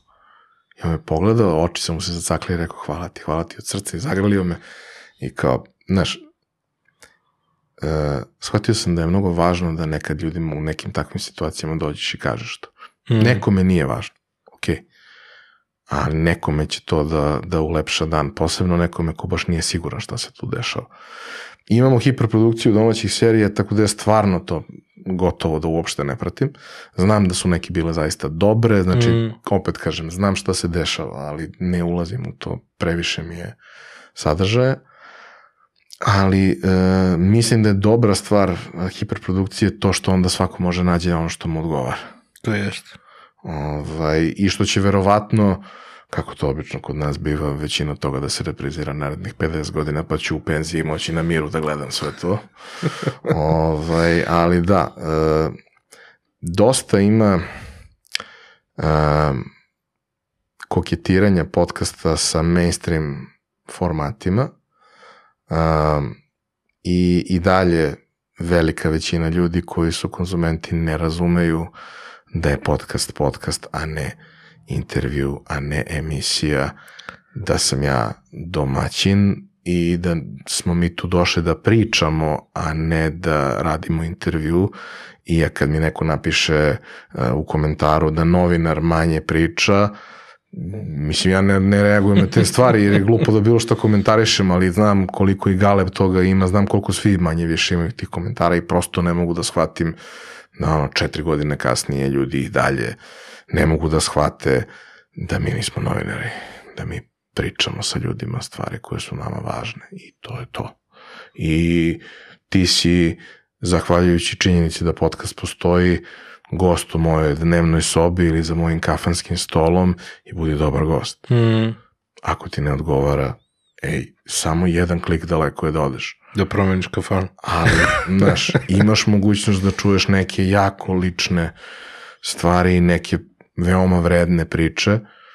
I ja sam od starta to insistirao. Mislim, vremenom sam skapirao šta ja zapravo radim. A počelo je tako što smo morali da napišemo neku vrstu manifesta, nečega, šta mm -hmm. je to.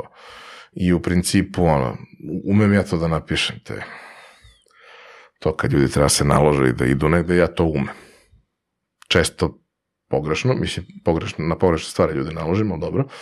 Ovaj, ali naravno ovo mi je bilo važno, pa je bilo posebno teško i napisao sam nešto, mislim i dalje stoji na sajtu negde na sekciji o nama i to sve, ali glavnu pojentu sam zapravo skapirao na nekom od udruženja kad sam izašao na scenu i trebalo da kažem i naravno nisam stigao da spremim ništa jer život, a treba nešto da kažem i onda sam skapirao da I u principu najvrednija stvar koju ja ljudima mogu da kažem je da dok je to bila samo preduzetnička, preduzetnički podcast, sada više zaista nije, već duže, ali tada je primarno bio to i kao ako ste se opredelili da idete ovim putem kojim mi idemo, mi ne možemo da vam pomognemo, to znači da ste ludi, tu vam nema pomoći.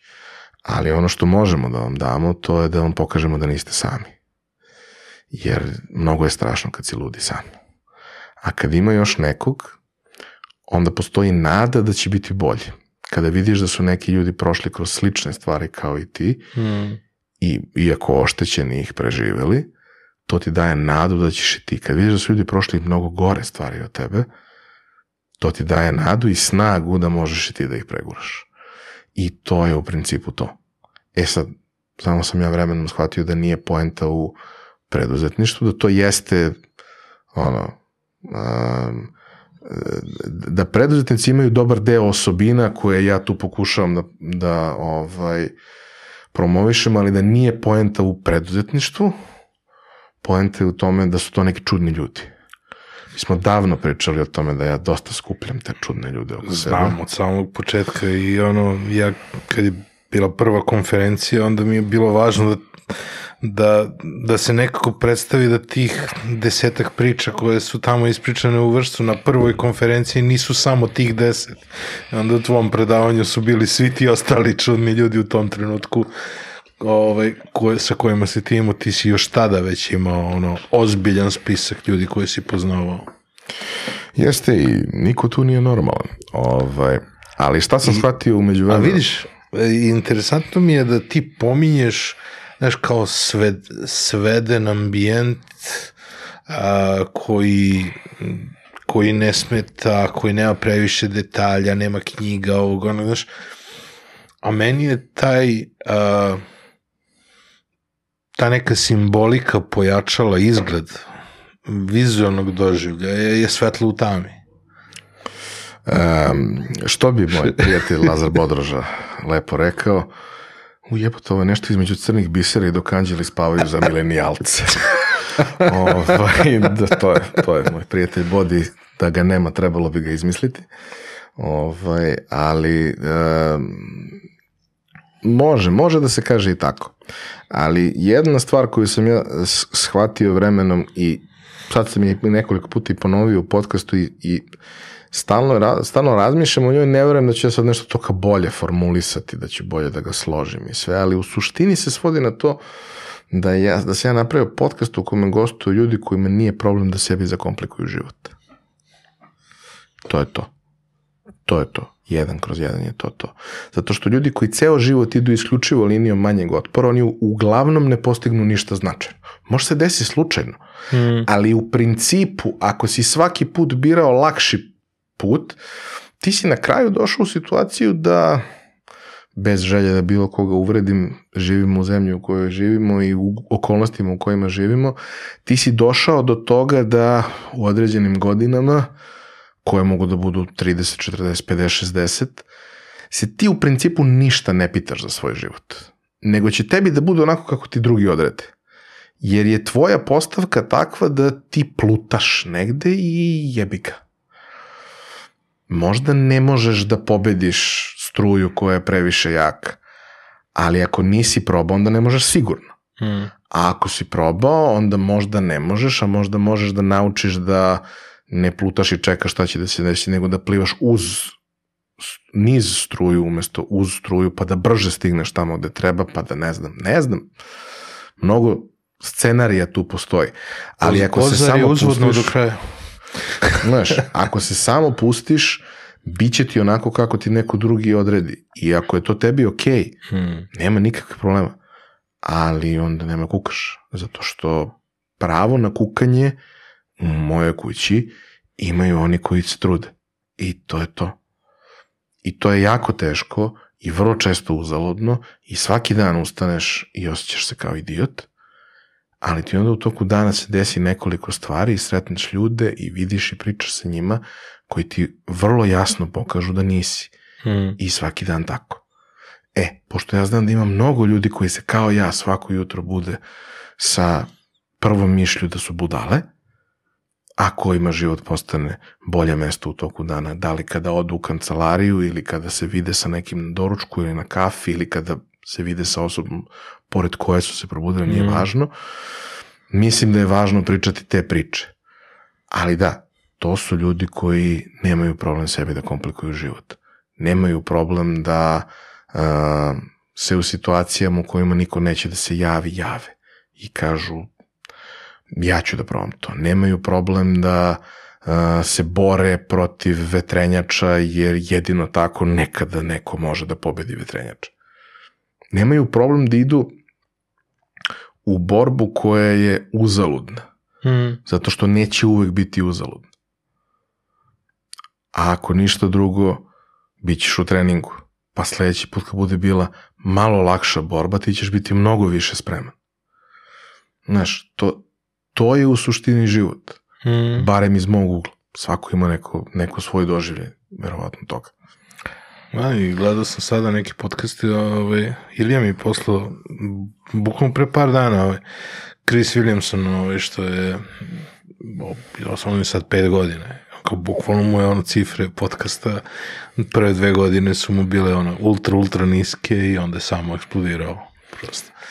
Vidi, mislim, takvih stvari ima, ja ne očekujem da će to u mom slučaju da se desi. Ne mislim da će i u tvom slučaju da se desi, jer prosto realnost je da postoji konačan, a ne preveliki broj ljudi koji ma ovako nešto prija i interesuje ih i tako dalje. Ali mi je skroz ok da je taj broj, da taj broj raste ovaj, i da na kraju dana kad god ono razmišljam, a ne mogu baš da kažem nešto mnogo razmišljam, ali kao s vremena na vreme, da neko dođe i kaže, ja, brate, ti si toliko cimaš, kao toliko je to dobro, a eto samo, ne znam, x. Kao dobro, samo u proseku 7, 8, 9 hiljada ljudi to posluša. To je pun pionir. Mm. Meni je to okej. Da. Meni je to više nego ok. Meni je, meni je da ima 300 ljudi koje to slušaju i kojima je stalo do toga, a koji su sjajni, koje znam da su sjajni jer ih upoznam i tako dalje, meni je to sasvim dovoljno. Mitologija nas uči šta može da uradi 300 ljudi. Možda to nije tačno, ali ja garantujem da 300 ljudi mogu da urade neverovatne stvari. Ili oni hiljadu true fans. To, je bio čuveni tekst. Znaš, kao, kako god, ali ja sam počeo da pričam klincima na fakultetima, ono, na, na studentskim konferencijama i slično pre, pa više od 15 godina, 17, 18. I ja sam tad shvatio da se ja obraćam u amfiteatru od 300 ljudi, ja se obraćam jednoj osobi. Dve, tri, pet, ali jednoj osobi u suštini. Jedna osoba će iz te prostorije izaći drugačije. I meni je to okej. Ja se ne potresam oko toga. Ja bih voleo da je više, ali meni je skroz okej da postoji jedna osoba. Mm. Zato što ću ja da dođem 500 puta u 15 godina i 500, 500 ti put je to 500 osoba. Što je sasvim dovoljno. To sam sad ubacio u predavanje, ovaj, Goga Risteskije mi je bila ovde i trenutak kad sam je pozvao podcast, ja je pišem, rekao, želiš, video sam je kod, ovaj, kod drugara iz netokracije, ovaj, rekao, hoćeš da dođeš da pričam o TikToku, ja, baš ti hvala što si me zvao, znaš, 2013. Minić, Gaga i ti, vi ste mi promenili život, kao tad sam prvi put čula da ovo s čime se ja bavim možda bude i profesija i, onda vidiš, znaš, e, meni je to promenilo taj dan, mislim, ono, tu godinu, zato toliko sam se oduševio kad mi je tako napisalo to. O, ti kažeš, promenit ćeš jednoj osobi život i ono što je najinteresantnije je to što ne znaš ko je ta jedna osoba. Znaš, i to čuješ posle nekoliko godina i onda, onda ti to potpuno promeni. Ali to je ono, znači ne ideš sa ciljem da ostvariš rezultat, ideš da uradiš svoj posao kako treba. Mislim, imaš ovde sinek, Hmm. Infinite Game. Ja nisam otišao da bi mi neko prišao, da, ja sam otišao zato što mislim da treba i to je to. Hmm. I u konačnici, kad se otvori neki Excel posle 10 godina i podvuče crta, to će za mene da ima smisla. Ja sam mnogi stvari u životu radio tako. Svi kažu ti si budala, to nema nikakvog smisla. Ja kažem, važi, važi, nema nikakvih problema, sednem, radim 2, 3, 5, 7 godina, 10 godina na nečemu i za mene to ima smisla. I suštinski, mene uopšte ne zanima da li za nekog drugog ima smisla. Ja nikad nisam, uh, mislim, to, to jeste čudno, ali i ne znam zašto je to tako, nisam nikad ni razmišljao ovaj, pretarano. Ja nikad nisam tražio neku vrstu društvene potvrde za stvari koje ja radim. Čak ni potvrde okruženja. Hmm. Moje okruženje, ne mislim na ono, neposrednu porodicu, ali sve koji su izvan toga, nikada nije razumelo ono što ja radim, niti mi je to imalo smisla. Ni ja nisam razumeo kako oni mogu da žive živote koje žive, pa eto, Hmm. Znaš, za mene je imalo smisla. I možda naj, najvažnija stvar koju sam naučio od svojih roditelja, zašto, mislim, pored činjenice da su stvarno bili divni roditelji, Keva i dalje, naravno, ovaj, najvažnija stvar koju sam naučio je da su u trenutku kada je to delovalo potpuno iracionalno i nenormalno, imali poverenje da ja znam šta radim. Ništa nisu trebali da urade. Samo su trebali da me puste. To je lepo osjećaj. Ne znam mnogo roditelja koji bi pustili. Znaš, zato što su pustili, desile su se neke jako dobre stvari. Da nisu pustili, desile bi se isto tako, samo bi se desile uz konflikt. ali ovako su se desile u mirnodopskim uslovima, što mislim da je dobro. Ali, znaš, uh, ja sam jedno duže vreme, verujem, imao jako dobar track record. Sve što smo se dogovorili, ja sam ispunio. I u nekom trenutku sam rekao, e, ovo sad meni važno i treba mi... I oni su rekli, dobro. Mislim, kad kažem track record, e, ja sam rekao da ću budem za generacije. I bio sam. Nije to, bio, nije to bilo njihova želja, nije bilo baš briga. Mm. Jednu stvar mi Keva zajebala. Mislim, rekao sam je to skoro. Ovaj, I e, davno sam je pitao, bio sam prilično mali, mislim da ima to i u knjizi negde. Ovaj, davno sam je pitao šta bi ona želela da ja budem. Jer to je uvek bila ona priča, znaš, o, tetke, babe i svi ostali, da budeš lekar, da me... vo- E, Evo mančmelo pitanja za druge podcaste. Šta su roditelji želeli da budete kad porastete?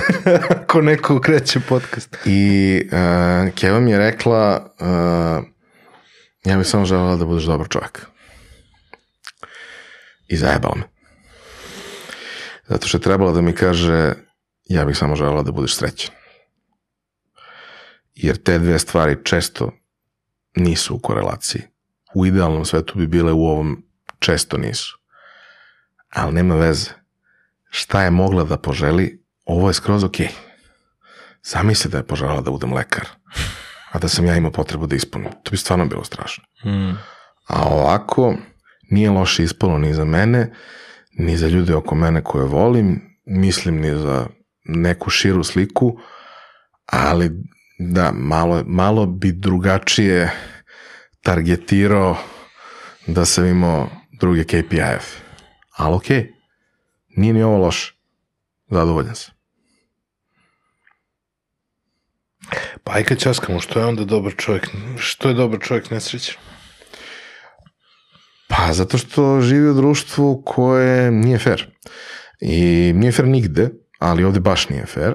I zato što živi u društvu konstantne traume, koja traje 30 i kusur godina, ovaj, u kojoj se suštinski dešava to da to neko komunističko, socijalističko, kakvo god društvo, koje jeste, ja nisam nešto mnogo proživeo u tome, ali iz svega što čujem, vidim, pročitam, vidim da je to bilo društvo, možda ne bratstva, ali ono jedinstva, zajedništva i društvo u kome je u principu svima bilo bolje nego što bi bilo da su bili u nekom drugom obliku društva. Dakle, nikom nije bilo baš sjajno, ali je postojala briga o tome da ljudima generalno bude dobro, da neke bazične potrebe budu podmirene, da svako može da ima neki život koji je dostojan čoveka i tako dalje. Postoje naravno primjeri koji su koji nisu imali tako nešto iz raznih razloga, to, to društvo nije bilo idealno, daleko bilo. Ja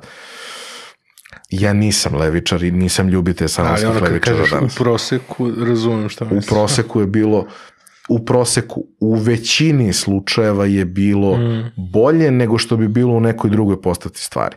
Sad, možemo da pričamo da je to bilo bazirano na kreditima, na ovim, na onim, pošto nam je sad sve super i sve je bazirano iz cash flow ovaj, ali ono što je realnost, to je da su da je niz tih trauma koje se desile doveo do toga da jedan veoma veliki procenat ljudi gleda samo svoje dupe.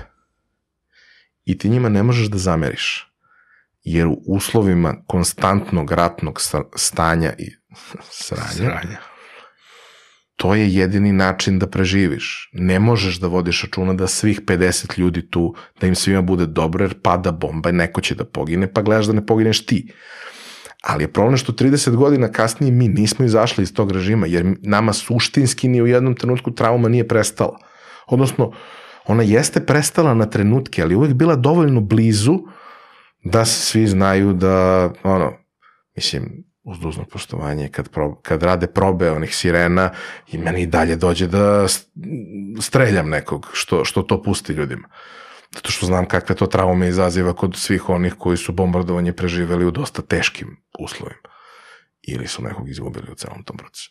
Jasno mi je da mora da se proba, ne, nisam ja budala, ali to jeste ono trigerovanje ljudskih trauma na, na, na jednoj velikoj skali.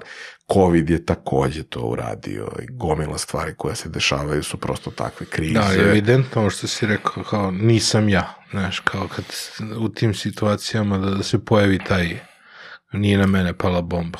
Neki je bomba, neki je covid, neki je ovo, neki Znaš, I uh, u celoj toj postavci stvari neko ko ceo svoj život provodi pokušavajući da svet učini boljim mestom i zbog sebe i sebi bliskih ljudi i svoje porodice, ali i zbog svih ostalih. To je dosta teška borba u kojoj si vrlo često usamljen i svaki dan se osjećaš kao budal. Ok, veliki sam dečko, navikao sam se. Nekom trenutku sam možda počeo malo i da uživam, pa me to, i to prošlo. Ovaj, ali realnost jeste to da e, nije ni malo lako. I to je ona priča, Uh, Vlada Kovač voli da, da, da priča na tu temu. Mi imamo malo drugačiji pogled u vezi svega toga, pošto uh, sam ja ono, čovjek koji u životu napravio mnogo zajednica i bio učesnik u kreiranju, ali i ono, single-handedly napravio razne stvari. I ja u suštini duboko verujem u to da je ključ uspeha zajednice da ti bude više stalo do opšteg dobra nego do sobstvenog i da se na tome bazira sve.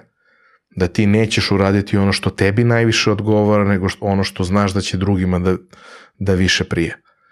Što znači da često ideš protiv sebe, možda ne ekstremno, ali dovoljno da ono, komplikuješ sebi život i mm. ne ideš linijom manjeg otpora.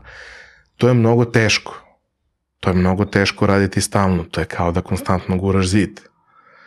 E, jebi ga. Ja nemam problem da guram zid, jer me guranje zida dovelo do svih onih divnih i dobrih ljudi koji imam u svom životu i svih dobrih stvari koje su mi se desile.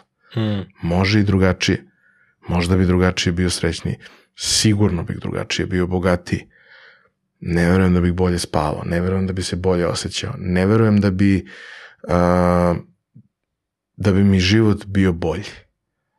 Možda bih ja samo bio srećniji. Kao što sam siguran da bih bio srećniji da sam jedno 40% glupiji jer ne bih razumeo sve stvari koje se dešavaju. Znaš, jednostavno ne bih razumeo, ne bi, to, ne, ne bi procesor mogao da obradi toliko stvari u jedinici vremena. Ali, znaš, kao, bio bi srećeniji da sam 15 cm više i da imam zdrava kolena da bi igrao košarku, verovatno i dalje. A pošto se ništa od toga nije desilo, ja sad mogu da razmišljam šta bi bilo kad bi bilo, a mogu i da probam sa ovim kartama koje su mi podeljene da odigram najbolje što mogu, pa Vidjet ćemo, bit će nešto verovatno od toga. Deo tog guranja zida je bila i moja firma. I mislim da je tu, tu bio ozbiljan jedan zid za guranje. Ovaj, I dalje mnogim ljudima jedan od omiljenih projekata na domaćoj sceni koji je dosta toga promenio, a zapravo je tebi bio prostor da ispričaš neke super priče koje nisu bile ispričane do tada, da se posvetiš kvalitetnim preduzetnicima koji su se bavili onako svojim poslom iz srca. Baš se videlo da su neki od tih priča. I neki od tih priča su i tim preduzetnicima promenile njihovu životnu priču. Skoro sam baš sa nekim analizirao domaće kiflice. Ove, ovaj, I Miloš stalno pominje tebe i taj tekst na mojoj firmi. Koliko te to Uh, hoću posle da, da, da uđemo u poređenje formata između toga i podcasta, ali kao pred priprema za pojačalo, ko, šta te tu ono naučilo, šta si tu naučio u svemu tome, ispričaj mi nešto iz tog ugla. Pa, to je bio projekat koji sam ja godinama želeo da radim. Samo se nisu stvorili uslovi da se on desi. Nisu se stvorili uslovi u smislu nije bilo adekvatne podrške. Bilo interesovanja, taj projekat je pičovan jednoj banci šest godina ranije, oni su bili oduševljeni i pitali da li oni mogu da oko svakog šest teksta, godina. šest godina ranije, oh. možda, i, možda i više. Ovaj, pitali su da li mogu uh, ispod svakog teksta da stave kreditni kalkulator i okolo da stave banere i ja sam rekao ne dolazi u obzir. Pa ne, ali nama to bi onda bila racionalizacija za projekat i sve. Ja sam rekao, dobro, poštujem da bi to vama bila racionalizacija za projekat, to bi meni bio razlog da ne radim taj projekat, mm. zato što kada to uradite tako, sve ono što se nalazi između vaših banera nema za publiku nikakvu vrednost. Pa ne, znaš, ali to mora biti brendirano u nas i to se... Nećete vi da ostanete uskraćeni, ali to ne može da bude brendirano u vas, zato što ljudi ne žele savet od banke. Banka je, uz dužno poštovanje, biološki neprijatelj svakog građanina i svakog preduzetnika. Vi pokušavate da se predstavite kao neko ko to nije i istini za volju ta, ta banka to zaista nije ni bila, Mm. ali je banka. Znaš, ono, prvo, U startu. znaš, first we kill all the lawyers. Pa onaj gore nekih razvrstava. Sve okej. E, ista priča i sa ovim. Pričali smo, oni su insistirali na tome, ja sam rekao, dobro, nema nikakvih problema. Mislim, što se mene tiče, imate ono, um, one pager o projektu, uradite ga vi sami ako hoćete. Nema, nemate prepreke što se mene tiče. Dao sam vam ideju, uradite. Ja nemam drugo rešenje da finansiram. I ja naravno nisu uradili jer mora neka budala da se bavi time. Ja, budala koja je trebala nije, nije htela. Ovaj, ništa se nije desilo par godina sa tim. Ja jesam ovaj, u nekoliko navrata razmišljao da možda probamo to da napravimo skroz volonterski i sve, ali sam shvatio vremenom da prvo, mislim, ja više nemam 16 godina, mm. mogu zapinjem ko, ko magarac 20 sati dnevno, ne mogu, a i neću baš, naročito na dugi staze, ali ti ljudi koji bi trebalo tu da mi pomognu nisu ljudi od 19 godina, od 16 godina i slično, to su ljudi koji imaju neke karijere, živote, profesije, obaveze i tako dalje i da bi oni bili posvećeni tome, mora da postoji određena ozbiljnost, jer u suprotnom će to vrlo brzo pasti na listi prioriteta u njihovom životu čim se pojavi nešto mm. drugo. Mislim i ovako kada je projekat bio to što je bio, naravno kad ne znam, neko ono, ostane u drugom stanju ili se desi neka ozbiljna promjena na poslu i sve, naravno da ta osoba napusti projekat, ali tu su trebale da se dese zaista velike stvari da do toga dođe, a i ti ljudi su se najčešće vraćali na projekat mm. čim su bili u prilici. Ovaj, smatrao sam da ne postoji šansa da se to ono, razvija potpuno volonterski. U tom trenutku 2011. 12. 13. priča o bilo kakvom ono, donation where business modelu ne postoji. Mm. Nema Patreona, nema takvih stvari da su aktivne ovde i taj projekat je ono stajao sa strane. Dok jedan predivan čovjek koji se zove Vlada Tošić nije pozvao i rekao, e, ja sam nešto razmišljao. Mm, ajde pričam. Ja sam došao i pričali smo i on je mi rekao šta mi je rekao, rekao mi u suštini da su oni skapirali da te kampanje koje oni rade mm. za biznis kod telka nema nikakvog efekta, jer mislim, to nije ono besplatan dizer šest meseci, to su ponude koje su vrlo generičke i suštinski se ne menjaju. Menjaju se kada ti imaš veći broj pretplatnika kod njih, pa onda imaš neke dodatne povoljnosti, ali suštinski osnovna ponuda je osnovna mm. ponuda, nema tu neke mudrosti, nemaš ti o čemu da obaveštavaš ljude, ta ponuda je takva kakva je. Ovaj, da te kampanje koštaju, da je efekat nikakav i kao aj probamo nešto drugo. Jel bi ti imao ideju šta da probam? Mhm. I ja sam to sutradan poslao, on je to pogledao i rekao, dobro, to je to. Sad ću ja da zovem moje moje. Skupio je te njegove. Mm. Oni su rekli, da, to je to. I, kako to obično biva čak i u efikasnim korporacijama, samo 13 meseci kasnije projekat je ugledao svetlost dana. Ovaj, ali smo mi vrlo brzo, nakon što smo dobili ono inicijalnu potvrdu od svih stakeholdera da su zainteresovani, da im je to super, mm. da mi smo krenuli već da ono formiramo tim autora, znali smo ko će budu autori, mislim da se razumemo i kao formiramo tim, pravimo plan šta ćemo da radimo i tako dalje. I mi smo ušli baš onako u dobrom treningu celu tu pripremu i sve i kada je projekat krenuo bilo je vrlo jasno da to nije još jedan content projekat koji neće ničemu da služi, nego je to bio projekat koji je vrlo brzo postao po mnogima, mislim ne želim da ono kao uh, pričam i nešto se hvalim, ali drugi ljudi smatraju da je to najbolji content projekat na srpskom tržištu ikad. verovatno regionalno ne, zato što postoji kulinarika, ali ovaj, ako pričamo o ovako nečemu, o biznisu, o vrlo specifičnom segmentu, teško je napraviti nešto drugačije i bolje od toga, zato što nema mnogo ljudi koji to mogu da naprave, a ima još manje ljudi koji to mogu da oplemen nečim mm. svojim. Ja sam uspeo da ih skupim dobrim delom tu, zato što su svi nenormalni i svi su hteli da slušaju jednu budalu koja im je rekla to ima smisla. Slušali su neko vreme, onda su videli i sami da ima smisla i nije bilo potrebe da ih bilo ko ubeđuju bilo šta drugo. I to je to. I eto, mogu da kažem ekskluzivno bez da mnogo otkrivam, ali um, ta priča se završila, nije se završila onako kako je trebalo. Svašta se tu i posle toga dešavalo, što isto nije trebalo da se dešava, ali to sve na kraju dana nije bitno, pošto pet godina kasnije, dosta pametniji, iskusniji, ćemo praviti ponovo nešto slično i prilično su sigurno da će da bude još bolje.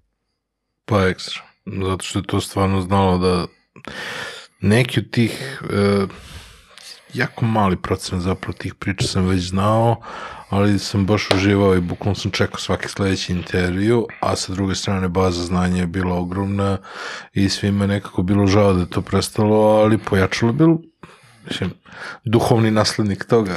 Pa samo, nije. samo drugi, druga forma, ali, neko, ali to je kad ti daš svoj lični pečat nečemu, prosto uh, sve dalje što nastaviš nosi taj tvoj pečat i nosi pola brandinga. U suštini ti intervjui jesu ono što se najviše pamtilo, te lepe priče, iz više razloga. Jedan je što su priče stvarno bile jako pažljivo birane i zaista fantastično ispričane i napisane, a jedan veoma bitan razlog je i to što je moj prijatelj Stefan Đaković ih uslikao na način koji je apsolutno neverovatan. Da. A, siguran sam da je i njegovoj karijeri mnogo doprinelo to što je toliko različitih stvari ove večio na tako sjajan način. Ja često prođem kroz taj folder koji ima nekih 150 ispričanih priča i fotki sa tih snimanja i jeste to bilo pre 7-8 godina i jesmo mi bili mlađi i jeste Stefan tad bio klinac, ali je bio pakleno talentovan i dobar klinac koji među vremenom postoje još, još mnogo bolji. Mm. Ovaj, ali vrednost toga nisu bile te priče. Te priče su posle počeli da pričaju svi, iako i dalje apsolutno tvrdim niko na pravi način i ni ja ih nisam sve ispričao na najbolji mogući način, ali sam ih ispričao na način uh, koji je imao jednu uh, vrlo važnu komponentu koju većina drugih nema, a to ispričao sam ih s razumevanjem. Mm. Jer ja sednem sa tim ljudima i oni vide da je preko puta njih budala koja razume to što se njima dešava, ima sve te iste ili gore probleme i kad ih postavi, mislim, Milica Čalija je to najbolje objasnila svoje vremeno. Ti mene kad si pitao ti mene kad si pitao delovalo je kao da ti je stvarno stalo. Nije delovalo, mm. stvarno mi je da. bilo stalo. Ja sam zato došao. Možda je meni taj dan bio užasan, ali tih dva sata, tri sata, to je najvažnija stvar koja postoji na svetu. A posle toga ćemo da se vratimo u pakao i da se borimo sa demonima. Ali tih nekoliko sati to je najvažnije. I to jeste bilo najvidljivije, ali nije bilo ni najčitanije, ni dugoročno najznačajnije. Meni je bilo važno, jer ne postoji bolje, bolji način da inspirišeš nekog i da mu pokažeš od učenja po modelu, odnosno da mu pokažeš da ima neko tamo ko je već to probao i uspeo, pa možda ima smisla da i on proba svoju na izgled besmislenu ideju. Nema veze, ovo je stota epizoda, svašta se dešava, malo Ma, puklo snimanje, nastavljamo dalje. Ponovit ću, pošto ja ne znam da sam stao. stao si, kada, kada ti je Milica rekla da stvarno razumeš pitanje i da, da se osjećaš iz tog ugla. Ovaj, kao da mi je stalo. Kao da ti je stalo. Ne, pa pošto ja ne umem da lažem da mi je stalo, onda je meni ipak stvarno stalo. Mm. I to i jeste negde bila poenta, ali kažem, to nije bila najveća vrednost tog, tog projekta. To jeste bila lepa stvar koja je bila vidljiva, inspiracija za ljude i sve slično, ali suština tog projekta zapravo jesu bili uh, ti sadržaji koji su bili deo baze znanja, koji su rešavali probleme preduzetnika kojih ima jako mnogo, a koji suštinski najčešće nisu preterano teški i veliki, ali su najveći na svetu kad nemaš koga da pitaš i kad nisi siguran šta da radiš po tom pitanju i kad googlaš i nađeš pet različitih odgovora, e onda da dođeš na mesto na kom, kome veruješ pa nađeš jedan odgovor koji je tačan i onda si u tom smislu siguran. Mislim, kroz tih nekoliko godina rada na projektu nama su se javljali i iz računovodstva, knjigovodstva najvećih firmi da nas pitaju za savet kako šta da rade i znamo da se u Poreskoj upravi i u Ministarstvu financija i u još nekim državnim institucijama su se naši tekstovi štampali i kačili na oglasne table, da ljudi vide kako treba da se objasni nešto jezikom koji razumeju homo sapiensi. Mm. Ove, I naša najveća vrednost je upravo bila u tome što ja na tome insistiram i dan danas što smo pravili uh, sadržaj na kompleksne teme koje je bio za ljudsku upotrebu. Jer uglavnom se o tim stvarima ne piše i ne govori na taj način. Pa to fali, fali nam prevodilac. Znaš šta je problem?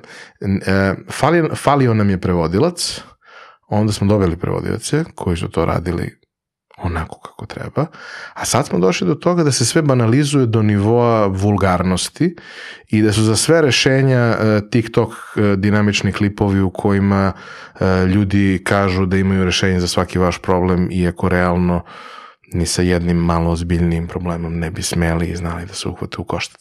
Ali oni znaju da 80% ljudi koji će im se obratiti ima banalne probleme i oni su sigurni da će te probleme rešiti. Ja sam veliki protivnik toga. Ja sam veliki protivnik uh, ove uh, inflacije ispod prosečnog sadržaja i inflacije stručnjaka koji uh, ne mogu ni po kom kriterijumu da budu stručnjaci, jer jednostavno da bi bio ekspert u nečemu mora da postoji određena kilometraža. Hmm. Ne samo broj godina, ne samo broj klijenata, ne samo ne znam, budžet koji si potrošio, ne samo broj tekstova koje si napisao, nego, brate, šta si ti zapravo propustio kroz ruke. Može neko da postane ekspert u 25 godina. Može. Ako je počeo sa 12. I to je to. Ali dobro, kažem, to je, to je ono, u životu biraš da li ćeš da ideš jednim ili drugim putem, ja idem onim težim, zato što mislim da to ima smisla. Ovaj, I od toga koji put izabereš, zavisi kako ćeš se ponašati da bi došao do rezultata. U suštini, verujem da svako ko ima trocifreni IQ može da razume na koji način može da zloupotrebi algoritme danas da dođe do jako velike pažnje velikog broja ljudi. E sad, što sam ja dovoljno rano u životu gledao Spidermana i skapirao tad da with great power comes great responsibility i shvatio to vrlo ozbiljno. To verovatno nisu svi ti ljudi gledali ili ne znam imaju neku drugu vrstu ambicije u životu. Kako god svaka čast svakome nek radi kako god misli da treba ali naš u idealnom scenariju ja apsolutno ne bih želeo da budem bilo kakva vrsta poznate ili polupoznate osobe. Da sam imao gde da čujem priče koje sam hteo da čujem u pojačalu, ja ga nikad ne bih napravio. Ja se kroz sve te stvari kroz koje sam bio aktivan godinama unazad u nekom trenutku sam seo i e, neko mi je tražio, zamolili su me za neku Hteli smo da pravimo neki kao interaktivni CV za neki projekat, nebitno. Kolega mm. je hteo da kroz to pokaže UI, UX veštine, a pošto mu je moj CV interesantan jer izgleda kao da je biografija e, porodice od 14 ljudi koje se svađaju međusobno. Ovaj, kao, ajde samo to, to je cool, a kao, ajde treba mi da mi izmapiraš tvoje autorske tekstove. Posle 500 tog sam prestao da skupljam URL-ove. Znaš, kao, ja sam napisao 500 nečega, što je mm. objavljeno javno. U 99% slučajeva tu ne postoji moja slika. Ja nisam neko ko voli da vidi sebe na kameri ili voli sebe u bilo kojoj vrsti javnog nastupa. Ovo je nešto drugo, ti i ja smo prijatelji, sedimo, Mhm. pričamo. Sad što jebi ga što je tu sad kamera, ne mogu ja sad tu da utičem na to. Ja bi to sve pogasio i mi bi nastavili da pričamo. Ugasilo Ali- se samo jedno. Pa dobro, sve, eto vidiš i tehnologija me razume. I am iPhone whisperer. ovaj, ali, e, pošto to ne može tako, onda ja uzmem i radim stvari koje su protiv moje prirode zato što smatram da je važno i zato što treba i onda vremenom postanem dobar u tome i eto. Ali kao i dalje, znaš, x puta kad sam sedao sa Kojotom da me on savetuje kako treba da stvari budu bolje za YouTube, sve što je on meni rekao, ne sve naravno, ali većina onoga što je on meni rekao, ja sam rekao ne dolazi u obzir, ne, ne pada mi na pamet. Pa ne, ali kao ti kad bi to dinamičnije i kad bi malo više clickbait i to, ne. Ovo je za dobre đake. One koji su čitali lektiru. Mm. One kojima pažnja traje duže od 45 sekundi. Ako ne, ako to znači da će me slušati 100 ljudi, couldn't care less. Mm. I jesu tih 100 ljudi do jaja? Super. Jel nema ni 100? Pa dobro, ja to na kraju dana i onako snimam za sebe. I to je meni skroz okej. Ali gomila proizvoda globalno su nastali tako što ljudi nisu to mogli sami da pronađu za sebe, prvo da reše svoj problem. Pa mislim, to je jedan od načina, tako su nastali većina mojih biznisa, ali ili, ili toga nije bilo ili nije bilo onako kako sam ja hteo da to bude i verovao sam da tu postoji još nešto. Naravno, kada odrasteš, onda naučiš da neke stvari treba i drugačije da se radi, da postoje istraživanje tržišta i sve što uz to ide. Ali opet, kroz istraživanje tržišta, kroz bilo koju vrstu takve analize koja je koja prethodi nekoj dobroj ideji, ti možeš da dobiješ samo u suštini ono što možda dobiješ e, i od chat GPT-a. Samo derivativne stvari. Mhm. Jel vama treba veća flaša za vodu? Treba nam. Neće ti objasniti da treba da napraviš water cooler. Nego će ti reći da ljudima treba veća flaša za vodu ili što bi Henry Ford rekao da sam pitao ljude šta žele, rekli bi mi brže konji.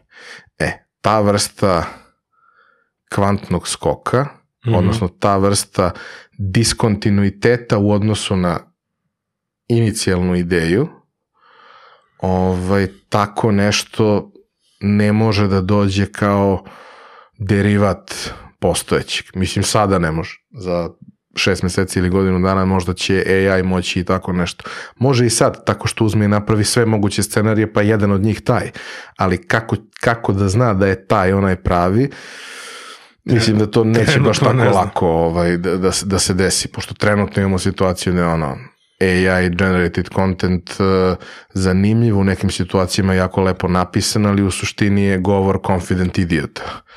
A uh, confident idiota imamo sasvim dovoljno već sad u javnom diskursu, tako da ja bih voleo malo više ovaj, kri, kritičkog mišljenja i sve ostalo, ali dobro, ne, ne, nebitno. Ovaj, poenta jeste ti praviš uh, odluku i dogovor sa sobom šta je ono što želiš da radiš i zašto to radiš.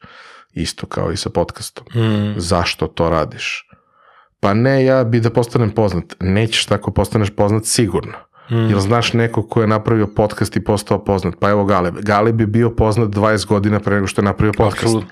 Kao i svi ostali ljudi koji su postali poznati zahvaljujući podcastu, svi su oni bili poznati pa su napravili podcast. Znači, jako je redko, nije nemoguće, ali jako je redko da se to desi.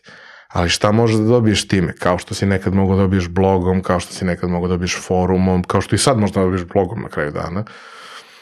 Možeš postaneš relevantan. Možeš postaneš relevantan svojoj publici. Možeš postaneš relevantan u svojoj niši. Da ljudi znaju da si ti onaj što se bavi time i voli i skuplja neke čudne ljude da pričaju o automobilčićima igračkicama. I da budeš najveći stručnjak na svetu za automobilčiće i igračkice tako što si napravio podcast i snimio 200 epizoda sa ludacima koji to skupljaju. Ako ti je to cilj u životu, perfectly fine. I svaki sledeći koji skuplja će da te sluša. će da te sluša i kada snimiš 20 dobrih epizoda, pozvaćeš nekog ko je najveća faca i on će pogledati i vidjeti da su te epizode dobre i reći doći ću ili će reći ne mogu sada, ali će doći za ne znam, 20 mm. epizoda i ti ćeš u jednom trenutku skupiti kritičnu masu ludaka koje to zanima. Sad što tih ljudi, ja sad naravno lupam se, što tih ljudi ima 5000 na svetu, pa je najplato je da te imaš 5000 ljudi koji te slušaju, to je okej. Okay. Mm.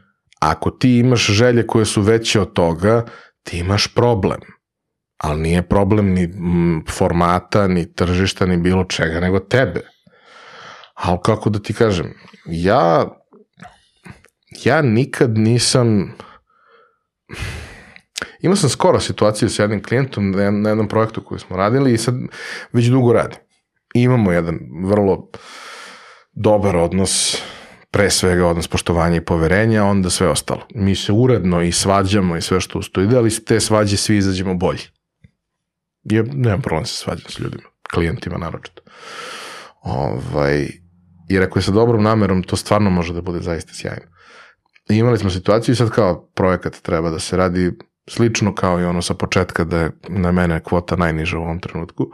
E ovde je malo drugačija situacija da sad mi pričamo o tome i pičujemo naš interni tim, gde sam ja jedini eksterni čovjek, sve ostalo su ljudi u firmi, pičujemo ostatku menadžmenta tu ideju i za koje smo svi spremni da stanemo, ali koju naravno oni moraju da podrže da bi se desilo. I sad mene ti ljudi znaju. Mm -hmm.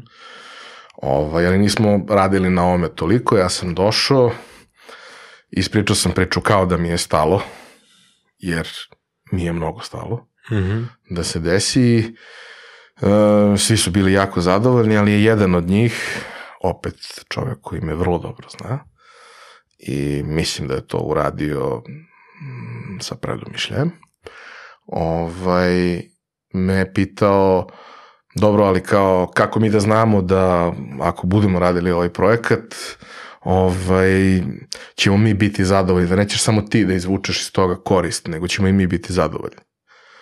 I ja sam ga pogledao, nasmešio se i rekao, kao što znaš od ranije, ako ja budem zadovoljan, vi ćete skakati pola metra od zemlje.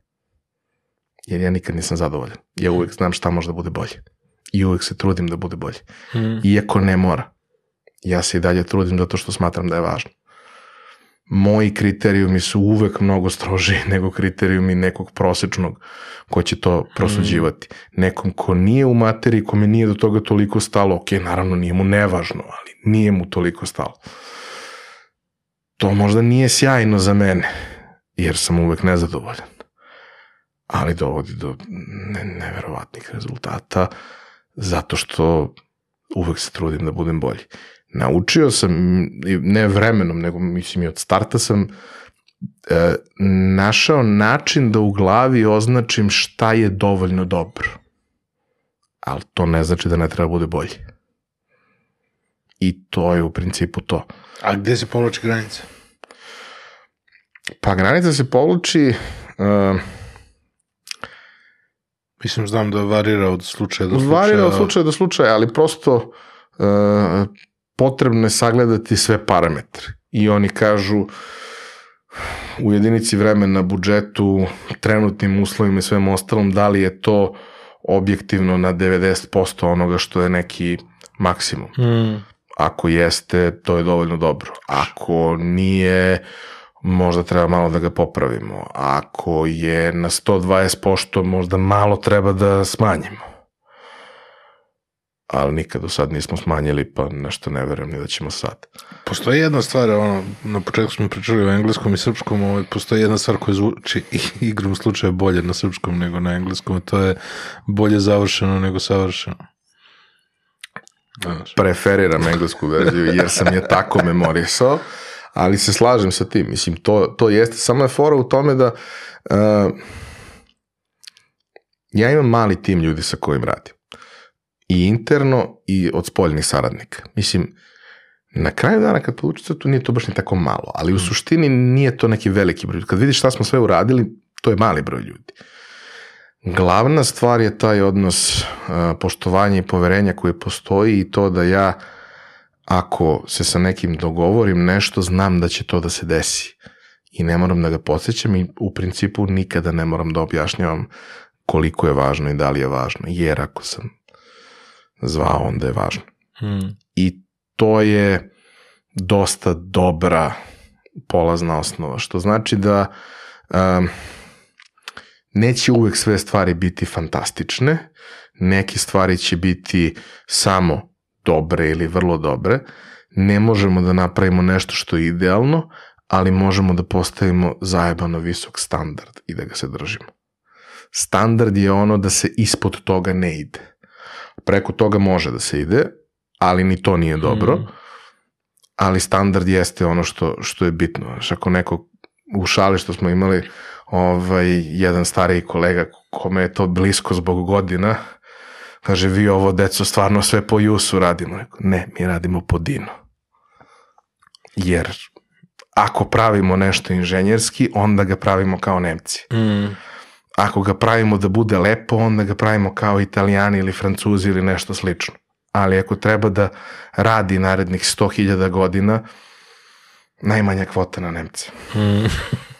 Skoro me pitao kolega, eh, jedan ovaj, u trenucima nervnog rastrojstva, da mu dam neki univerzalni životni savet i ja sam mu rekao nekoliko, ovaj, nekoliko narodnih umotvorina koje volim, a nisu za citiranje sada ovde, ali jedna od najvažnijih na kraju je nikad ne igraj dvojku ako su Nemci domaćini.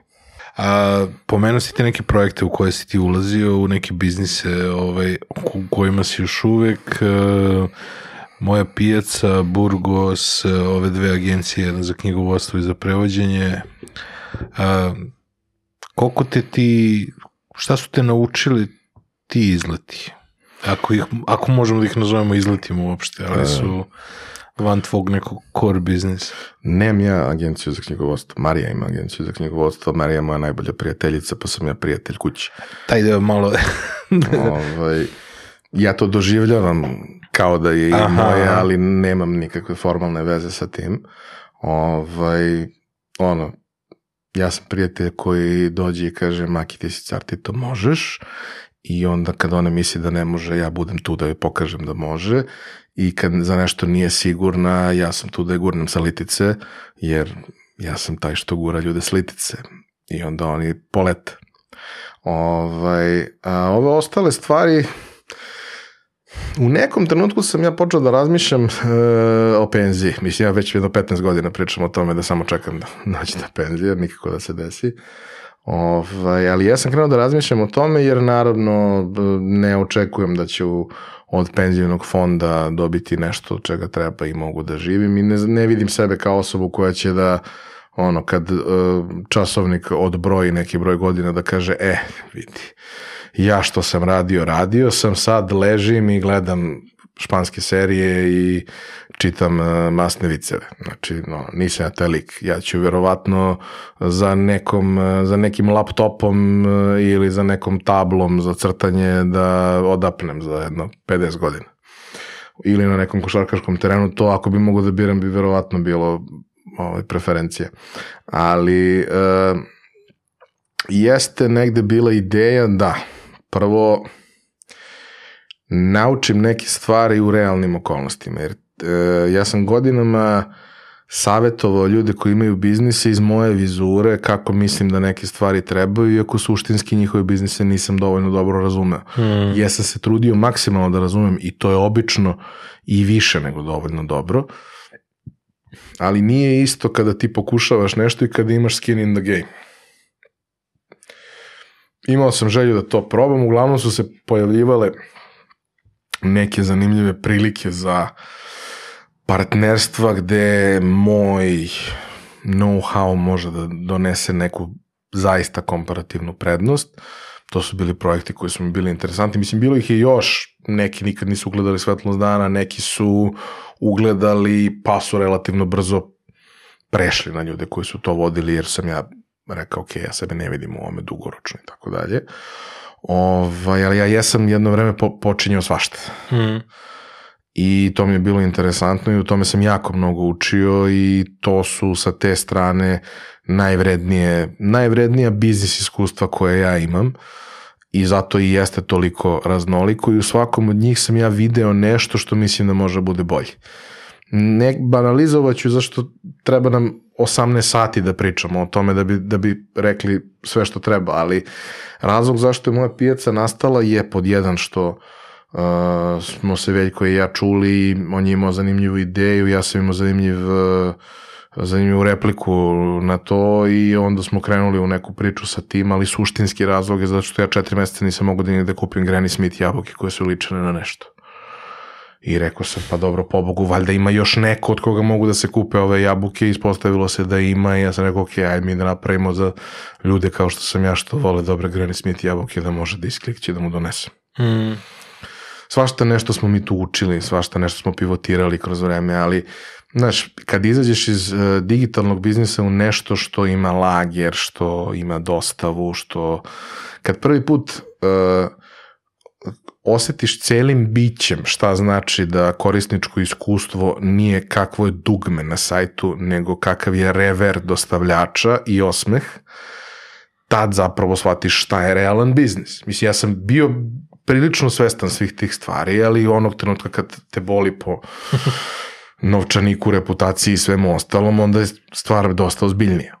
Ovaj, tako da to je otprilike to. Sad, kažem, možemo ići u gomilu detalja, ali za svaki od biznisa ja sam video nešto što postoji smatrao sam da nije dovoljno dobro, verovao sam da treba da bude bolje, verovao sam da mogu da ga napravim boljim, napravio sam ga boljim i uglavnom je tržište na to reagovalo dobro. U nekim slučajevima je tu bilo manje trzavica, u nekim slučajevima je tu bilo više trzavica, u svakom od slučajeva je tu bilo potrebno neko vreme krvariti hmm. da bi došli do nečega. Ja nisam nikad bio čovjek koji u fazonu sad ću ja napravim nešto za tri meseca, će to bude pozitivno i nakon toga to je fontana para, to je bankomat koji samo daje. Ne, mali biznisi nisu takvi, nikad neće biti takvi. Ali je to meni sjajan poligon da učim da vidim vrlo, vrlo vividno šta se dešava sa nekim malim korekcijama koje ja pravim, koje na tuđem biznisu ne bih radio jer je njegov život i njegova porodica u pitanju, ali na mom biznisu mogu da radim jer na kraju dana su moje pare.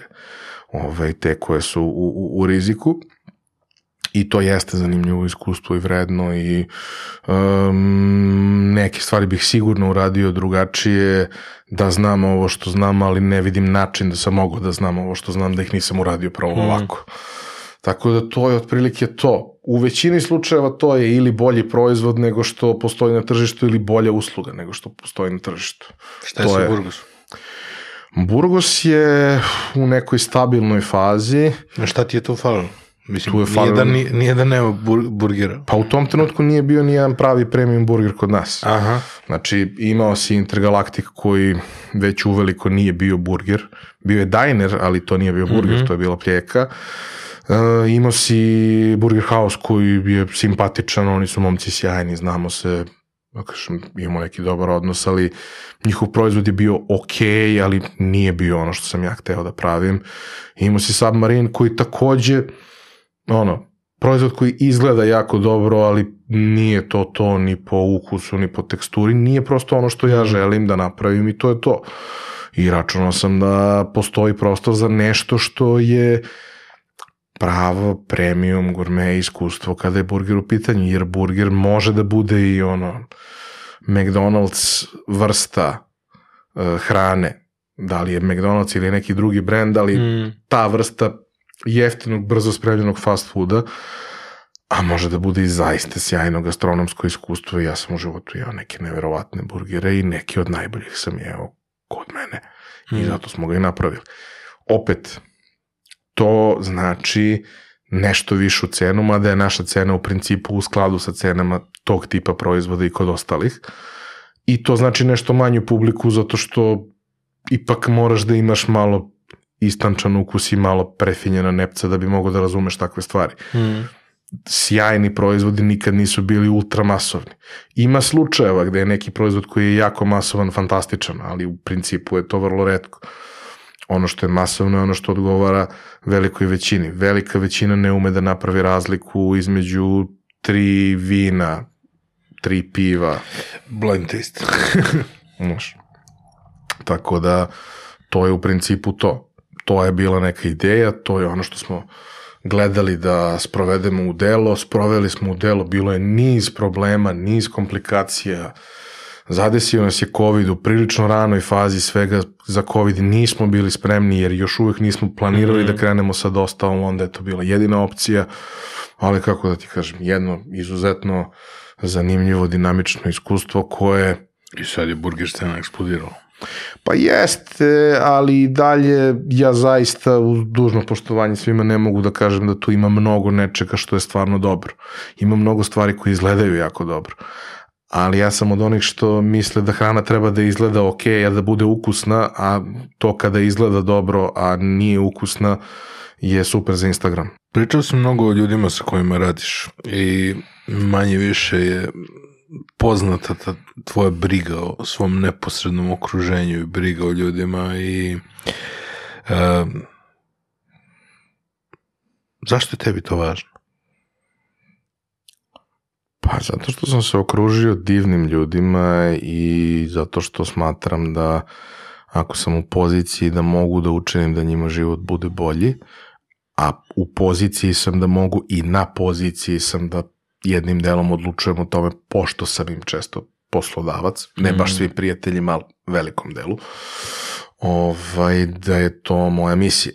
Da je njihova misija da ostanu tako sjajni kao što jesu, da, mislim sam mnogo glupo zvuči da kažem da me prate, ne treba mene niko da prati, nije ovo kult, ovo je samo jedan, jedna priča o nekom zdravom odnosu između ljudi koji se međusobno vole i poštuju, gde je svima u igri stalo do onih drugih, ali e, kao u igrici što svaki junak ima različite ovaj sposobnosti. E, različite sposobnosti, tako i ovde postoje ljudi koji imaju različite sposobnosti, ali svako od njih briljira u nečemu i zato što smo takvi kakvi smo i zato što smo zajedno, mi smo u stanju da radimo stvari koje mnogo veće grupe ljudi ne mogu da urade. Mm. I zato što možemo da uradimo stvari koje drugi ne mogu da urade, možemo da imamo uslove koji su bolji nego na drugim mestima, a da znaš, ono, ne, ne dovodimo ljude u situaciju da ih bilo ko na poslu zlostavlja, izrabljuje i bilo šta slično. Konkretno što se toga tiče. Što se tiče ovog ostalog, Prosto ako je nekome koga ja volim nešto važno, važno je i meni. I to je to. A ako mi je važno, ja ću nađem načina da na ne, nekako doprinesem. Kako? Nemam pojma. Kad se desi, smislit ćemo. Ja hmm. dosta dobro smišljam u hodu. Mm, posljednjih nekoliko godina se priča o ljudima i o tome koliko su ljudi važni i otvorio sam ovo zato što uh, posljednje vreme su prvi put u istoriji počelo otpuštanje u tehnološkom sektoru, u digitalnom sektoru i u svemu tome. A, kako, kako vidiš globalnu scenu po tom pitanju? Šta se dešava? Pa prema svemu što ja znam, ne dešava se ništa bitno. Samo se diže jako velika frka oko svega toga. Uh, jer suštinski u prethodne dve godine je zaposleno, lupam, 40.000 ljudi, sada je otpušteno 9.000. To je na nivou pojedinačnih ljudi tragedija, apsolutno se slažem, ali u apsolutnim ciframa mi dalje pričamo o rastu koji je preveliki, nepotreban, neprirodan i opet pričamo o industriji u kojoj kod nas naročito u svetu možda ne baš tako i toliko, ti ljudi vrlo lako mogu da nađu drugi posao i u principu neće, neće biti gladni. Nije to ona situacija u kojoj se otpuštaju ljudi koji rade u automobilskoj industriji, on I nema mogu gde da rade da samo taj posao. Znaš, ovde pričamo o nečemu što, uh, naravno, uh, treba reći, jer što ja to ne bi rekao, što se ne bi zamerio nekom bar u ovom podcastu, uh, ljudi u našoj industriji su ekstremno razmaženi da ne ulazim sad u neke do, dodatne kvalifikacije, ovaj, ali ima, imam svašta da kažem po tom pitanju, ali jesu ekstremno razmaženi, u svetu su ekstremno razmaženi i navikli su da žive bolji život nego neko ko se opredelio za nešto što je možda ozbiljnija delatnost onoga čime se mi često bavimo. Nekad je to što radimo najvažnije na svetu. Hmm. Uglavnom je to neka mrdalica na internetu ko, bez koje internet može da funkcioniše. Ovaj, a i svet. Ovaj, ali realnost je da je potražnja i dalje daleko veća od ponude i da mislim da tu neće biti nekih preteranih problema, samo što je naravno uh, neprijatan osjećaj i ono što meni užasno ide na nerve kod takvih stvari je što za dobar deo tih Uh, u, do, u dobrom delu tih situacija ja samo mislim da je to refleksna reakcija na ono što se dešava na drugim mestima, da apsolutno ne postoji nikakvo opravdanje za to što se desilo. Nego, evo vidi, ovi su otpustili, pa ćemo i mi jer šta će da kaže selo, bukvalno, Aha. na tom nivou. Mislim, to je moj utisak. Možda grešim. Ovde je red, daj da stanemo, ne znamo šta se čeka. e, ali otprilike to. Kod nas toga i dalje nema, mada m, postoje neke najave i priče i sve, ali ako dođe do toga kod nas, e, kod nas trenutno se traži na jednog čoveka na tržištu pet, tako da mislim, to zaista neće biti problem. E, ja mislim da je naša IT industrija e, jedno prilično nesrećno mesto i nije to dobar izraz, ni- nije ona nesrećno mesto, ona je samo uh, kao jedno, sigurno ste viđali takve stvari, to u Americi, toga ima dosta, i u američkim filmovima ima dosta, kad vidiš neko, ima tu deca, neka se igraju, ima dete koje je ogromno, ogromno, ne, ne debelo i to, Prebrzo samo je poraslo. preveliko, ali i dalje dete. I sad ono izgleda po gabaritima sleđa da vidiš drugačije obučeno, rekao bi odrastao čovek, ali i dalje samo jedno preglomazno dete. E, mislim da je to naša industrija, zato što je ona ogromna, glomazna, kabasta, ogroman broj ljudi, vrlo često upitnog kvaliteta, stručno pričano, ovaj, koji imaju jako dobre uslove, jer je divlji zapad i svi se takmiče jedni sa drugima da otmu svako koga mogu. A realni output toga što mi radimo je smešan. Nije zanemarljiv, daleko od toga, ali u poređenju sa nekim drugim tržištima koji imaju sličnu količinu ljudi i tako dalje, to što mi radimo je u principu na globalu beznačajno osim u par pojedinačnih slučajeva. Zašto? Zato što smo mi u velikom procentu ti, te radne snage uh, više ne tako jeftini, ali i dalje onaj obični outsourcing. I taj model je okej ako nemaš problem da šiješ jeftine dukserice ili štrikaš jeftin hod. Ja mislim da taj model na duge staze nije dobar zato što prvo pravi izuzetno razmažene ljude jer su plate otišle u nebesa, Hmm. A drugo u jednom trenutku ćemo postati preskupi i već sad smo preskupi i ja sam siguran da bi taj bubble pukao 2022. godine da se nije desila Ukrajina. Siguran sam. Hmm. Ovaj, ovako smo kupili sebi par godina, ali u tih par godina, kao i onih prethodnih par godina onog e, paušala i testa samostalnosti, je trebalo da postanemo product industrija, to se nije desilo. I dalje su product firme, u pravom smislu te reči, product firme 0,5% tržišta. Najmasovnije firme, najveći broj ljudi su klasičan outsourcing, kvalitet toga što oni rade je upitan, kvalitet ljudi koji, koji rade na tim, u tim firmama na pozicijama najrazličitijim je vrlo upitan, vrlo često su to ljudi koje ja dugo znam i znam koliko znaju i znam da ne mogu biti seniori ni u jednom scenariju, Mm. ali su tamo seniori jer njima treba senior pa će da prihvate i neko ko nije i kada, to, kada tu vrstu kompromisa praviš tri godine svaki put kada nekog zapošljavaš dobiješ nešto što je svašta, ali nije ono što si pokušao da napraviš u početku.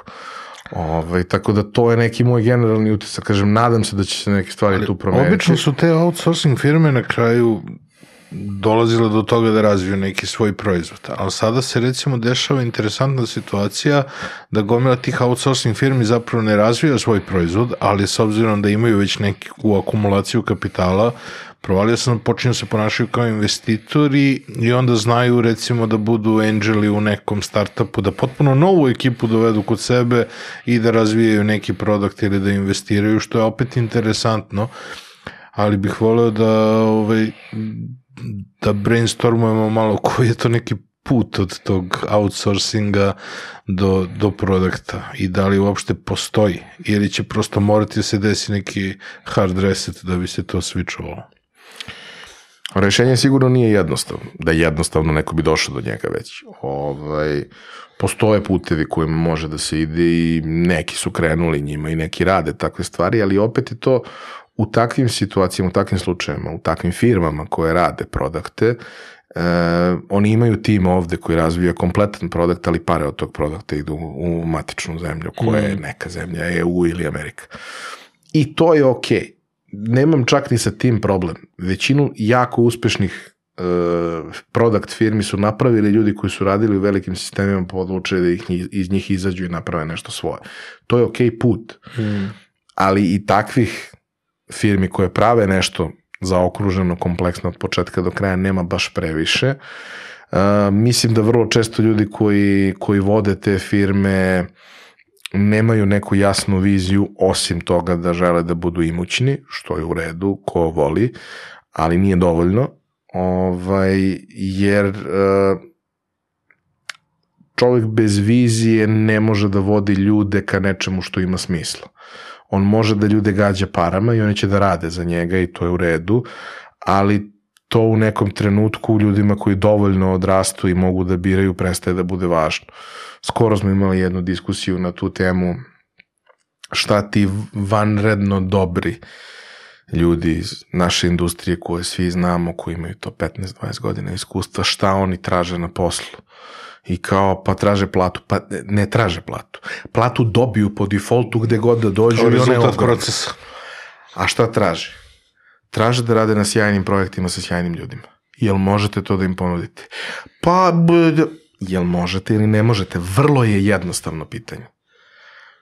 Pa ne možemo. Pa nećete ih privući privući ćete ih u nekom procentu ka, ako ih budete gađali suludo velikim količinama para, jer koliko god da neko radi već 15 godina i ima i šteki i kupio je sve što treba, ako on smatra da vredi 5000 da ti mu ponudiš 20, on će da istrpi godinu dana jer 20.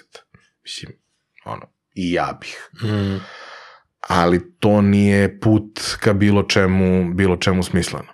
Uh, ono kako ja nas vidim trenutno, ovaj, i neka bude da nisam u pravu, nemam nikakav problem, ali volao bih samo da me neko e, demantuje konkretnim ovaj, podacima, a ne na nivou pojedinačnih slučajeva, zato što postoje izuzetni pojedinačni slučajevi.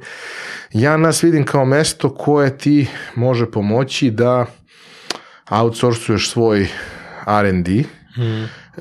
da ti napravimo nešto što je poluproizvod dovoljno dobar da ti dobiješ neke ozbiljne pare, za svoj startup, svoju ideju negde na polju i da onda kad dobiješ te do, ozbiljne pare ili otkupiš taj tim koji ti je to napravio ili napraviš svoj tim ljudi koji znaju šta rade i da, da nastave to da rade.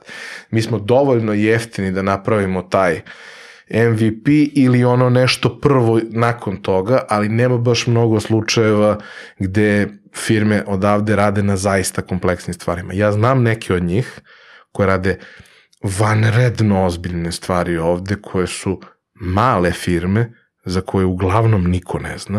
Mm. To su firme 20 ljudi koji rade stvari koje su nezamislive, ali to nisu one firme o kojima svi pričamo, koje vidimo na billboardima, koje srećemo svuda.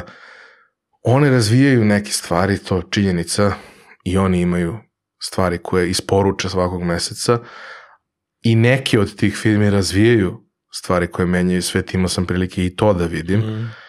ali na velikom broju ljudi, broj ljudi koji u timovima koji radi zapravo takve stvari je uglavnom manje od 10% ukupnog broja zaposlenih. Tako da ja verujem da je put ka nekoj vrsti smisla u svemu tome, da je jedna od stvari koja mora da se desi normalizacija plata, jer jednostavno nije normalno da osoba koja je junior i suštinski uz dužno poštovanje svakome ne zna ništa, startnu platu ima 1000 eura i zarađuje u tom trenutku sa 21 godinom više nego cela porodica, ovaj, jer to neće naučiti tu osobu nijednoj, nijednoj dobroj stvari u životu. Za početak objasnit će da se do novca dolazi izuzetno lako, što nije tačno.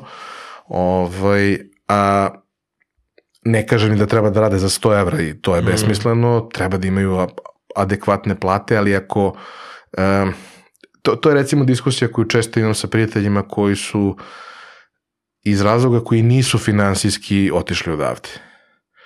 Iako recimo žive u Švajcarskoj ili u Nemačkoj, oni imaju slične plate kao što bi imali ovde.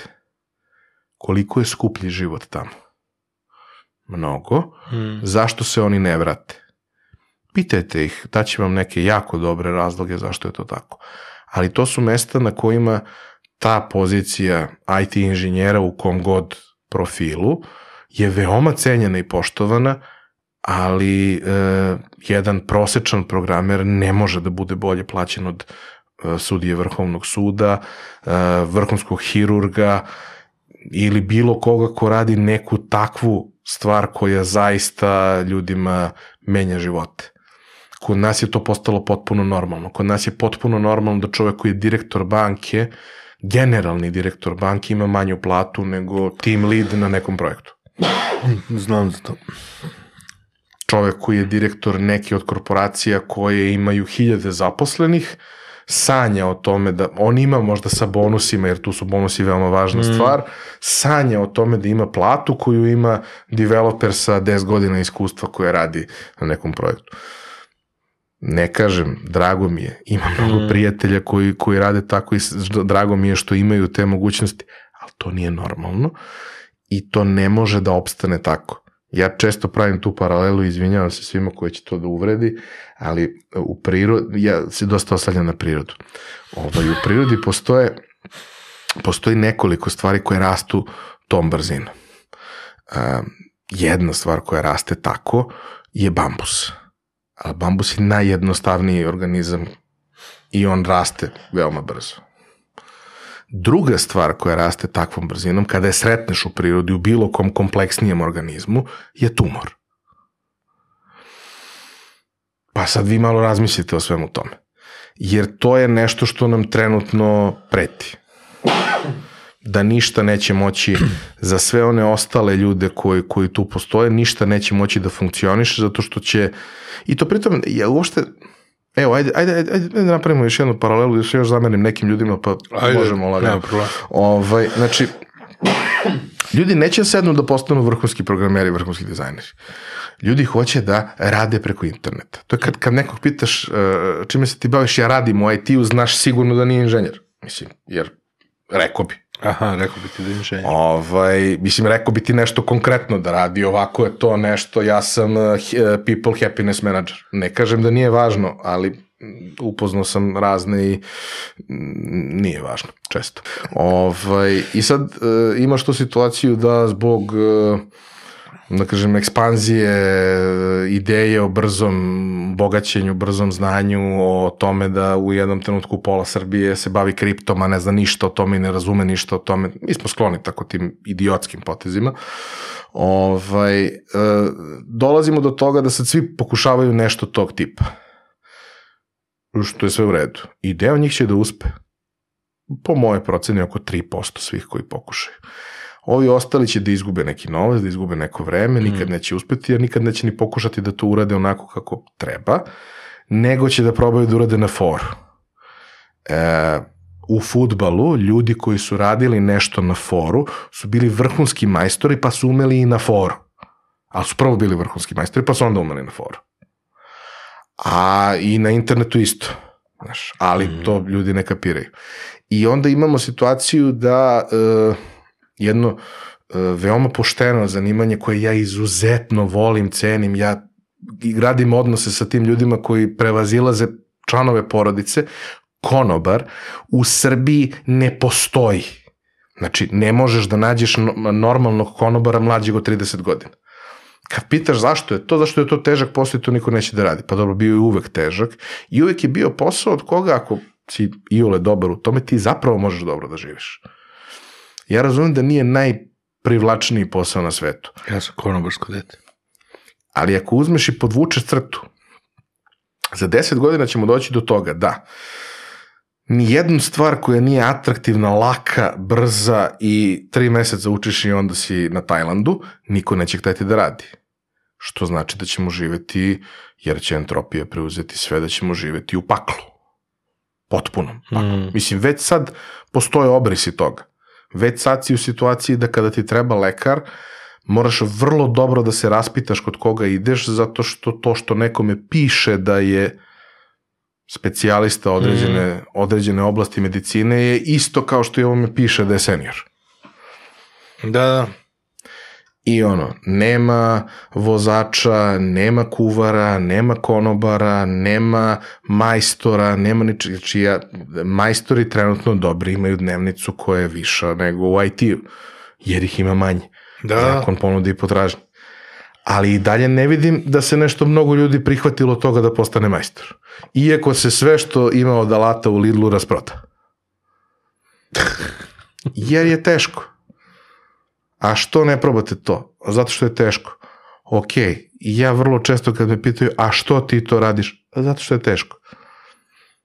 Zato što ovo ostalo može radi bilo ko. A ovo mora radi neko kome nije problem zapne da radi nešto što je teško. A ovo sa majstorima sam, sam baš video i, i ovde po stepi i svuda. Ovaj, ovo za lekare je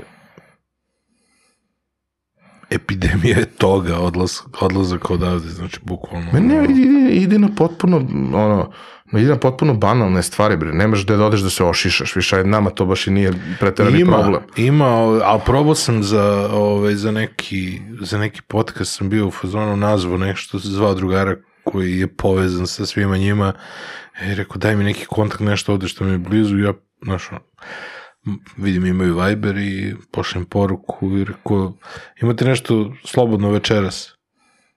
A ja pišu prvi slobodan termin je 1. marta. Ima i to, ali znaš kao, pre 20 godina na, u svakom bloku na Novom Beogradu si imao dva muška frizera jer vojna lica, pa Da. da. mora neko da ih održava, jel? Ove, sad, od, na, u svakom trećem bloku imaš po jednog frizera koji ne znaš iš. Što kažem opet, nekome kao što sam ja nije preterani problem, jer ovo može se održava vlažnom krpicom. Ali ostalim ljudima jest. Nemaš da da odvezeš, odvedeš kućnog ljubimca da ga ošišaju. To su stvari koje koštaju značajno više nego šišanje ljudi, Mm. ali su i mnogo osetljivije i prvo ne želiš da ti neko unakazi psa, sa druge strane ne želiš da ti neko istraumira psa. A ja znam sticam okolnosti da se jedno i drugo Hmm. dešava i da jednostavno u svim tim nekim uslužnim delatnostima postoji jako ozbiljan deficit ljudi. A nije priča o tome da od toga ne može da se živi. Od toga može se živi sjajno. Samo je teško. Kad smo postali narod koji izbegava sve što je teško. Hm. Znaš, to je ono što je problem. Jer ja sam prilično siguran da u Americi ne postoji problem sa brojem muških frizera. Ok, ne znam, košta više. Život košta isto mnogo više, pa se to nekako izniveliš. Ali tamo ćeš naći vodoinstalatera, tamo ćeš naći molera. Ne, ne zarađuju oni uh, ono hiljadu puta više nego što zarađuju ovde. I pritom, mislim, svaki put kad mi je bio vodoinstalater, moler ili bilo ko sličan, nije ni meni bilo sve jedno koliko oni u tom procesu zarađuju, ali je pitanje vrlo jednostavno, a jel bi ti radio taj posao za te pare? Pa ne bi, pa e, pa onda je sve u redu. I dalje ih nema dovoljno. Nije stvar u Nema tome ih da ne dovoljno, može nema se- dobrih, znaš, malo pre si rekao ovo za frizere, je to sad, znaš, uh, da li, da li je danas, da li smo došli do, do kombinacije ili je danas teže doći do tog znanja i iskustva da bi počeo nešto da radiš, da li ljudi bez dovoljno iskustva ulaze u posao, uh, ili su se naši kriterijumi promenili? prvo mislim da se kriterijumi nisu promenili. Ove, znanje je dostupnije nego ikad za svako od tih zanimanja. Dostupnije. Dostupnije i u velikom procentu slučajeva potpuno besplatno i apsolutno nešto što svako može da do, do čega svako može da dođe ukoliko želi ali očigledno ljudi ne žele iz kog god razloga i opet kažem postalo je suštinski gotovo nebitno o kom zanimanju pričamo Mislim, ne mora bude ni zanimanje. Mm. Može da bude skill set koji ti je potreban za život. Ljudi ne znaju da voze. Ne to što su bezobrazni, e, a jesu, i to što ne, ne paze dovoljno, a ne paze, ne znaju da voze. Zato što misle da nije važno. Kao saučesniku u saobraćaju vrlo mi je važno. Vrlo mi je važno da osoba koja vozi automobil koji je relativno nov ume da prođe između dva automobila gde u odnosu na automobil te osobe ima barem po 70 cm sa svake strane lufta. Ako može da prolazi tako da ne izgleda kao da je snimljeno na ono ultra slow motion na iPhoneu, to bi bilo super. Ali ne može. Pa koliko treba da naučiš to? Koliko treba? Sedneš, nedelju dana se voziš posle posla, sat vremena, prolaziš kroz takve stvari i naučiš. Znaš, mi smo zemlja ljudi koji dalje ne umeju da parkiraju. Paralelno parkiranje Da. niko ne ume. Koliko treba vremena se nauči? Ali što bi ti to radio kad je ovo dovoljno dobro? Pa sve je dovoljno dobro na kraju dana. Sve je dovoljno Mm. dobro i zato živimo u ovome u čemu živimo. U dovoljno dobrom životu. Zato niko ne misli da treba da pokupi za svojim kućnim ljubimcem, zato Mm. ljudi misle da je potpuno normalno da kada vide da je puna kanta, stave na to puno i da ga vetar odmah oduva čim dune. Znaš, e, da bismo živeli u nečemu što je bolje, mi moramo da budemo bolji. Da bismo bili bolji, moramo da radimo stvari koje komplikuju život. Koliko si se vozio sa svojim roditeljima?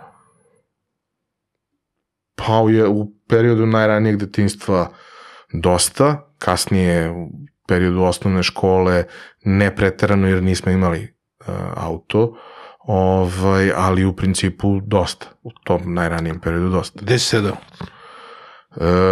U 99% slučajeva nazad, u nekim situacijama na suvozačama. A kad si sedao nazad, kako si sedao? Zašto baš me interesuje precizno?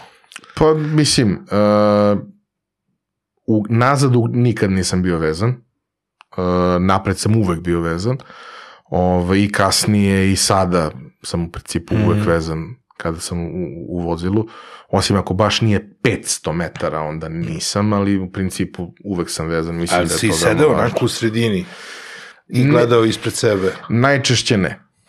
Najčešće ne. Nisu uvek st- stvari bile inspirativne. Mnogo sam češće sedeo i gledao kroz prozor. A vidiš, ja sam jako mnogo gledao Ćaleta kako vozi i ja sam shvatio da sam ono jako mnogo preuzeo od ljudi sa kojima sam se vozio kako se ponašaju u različitim situacijama.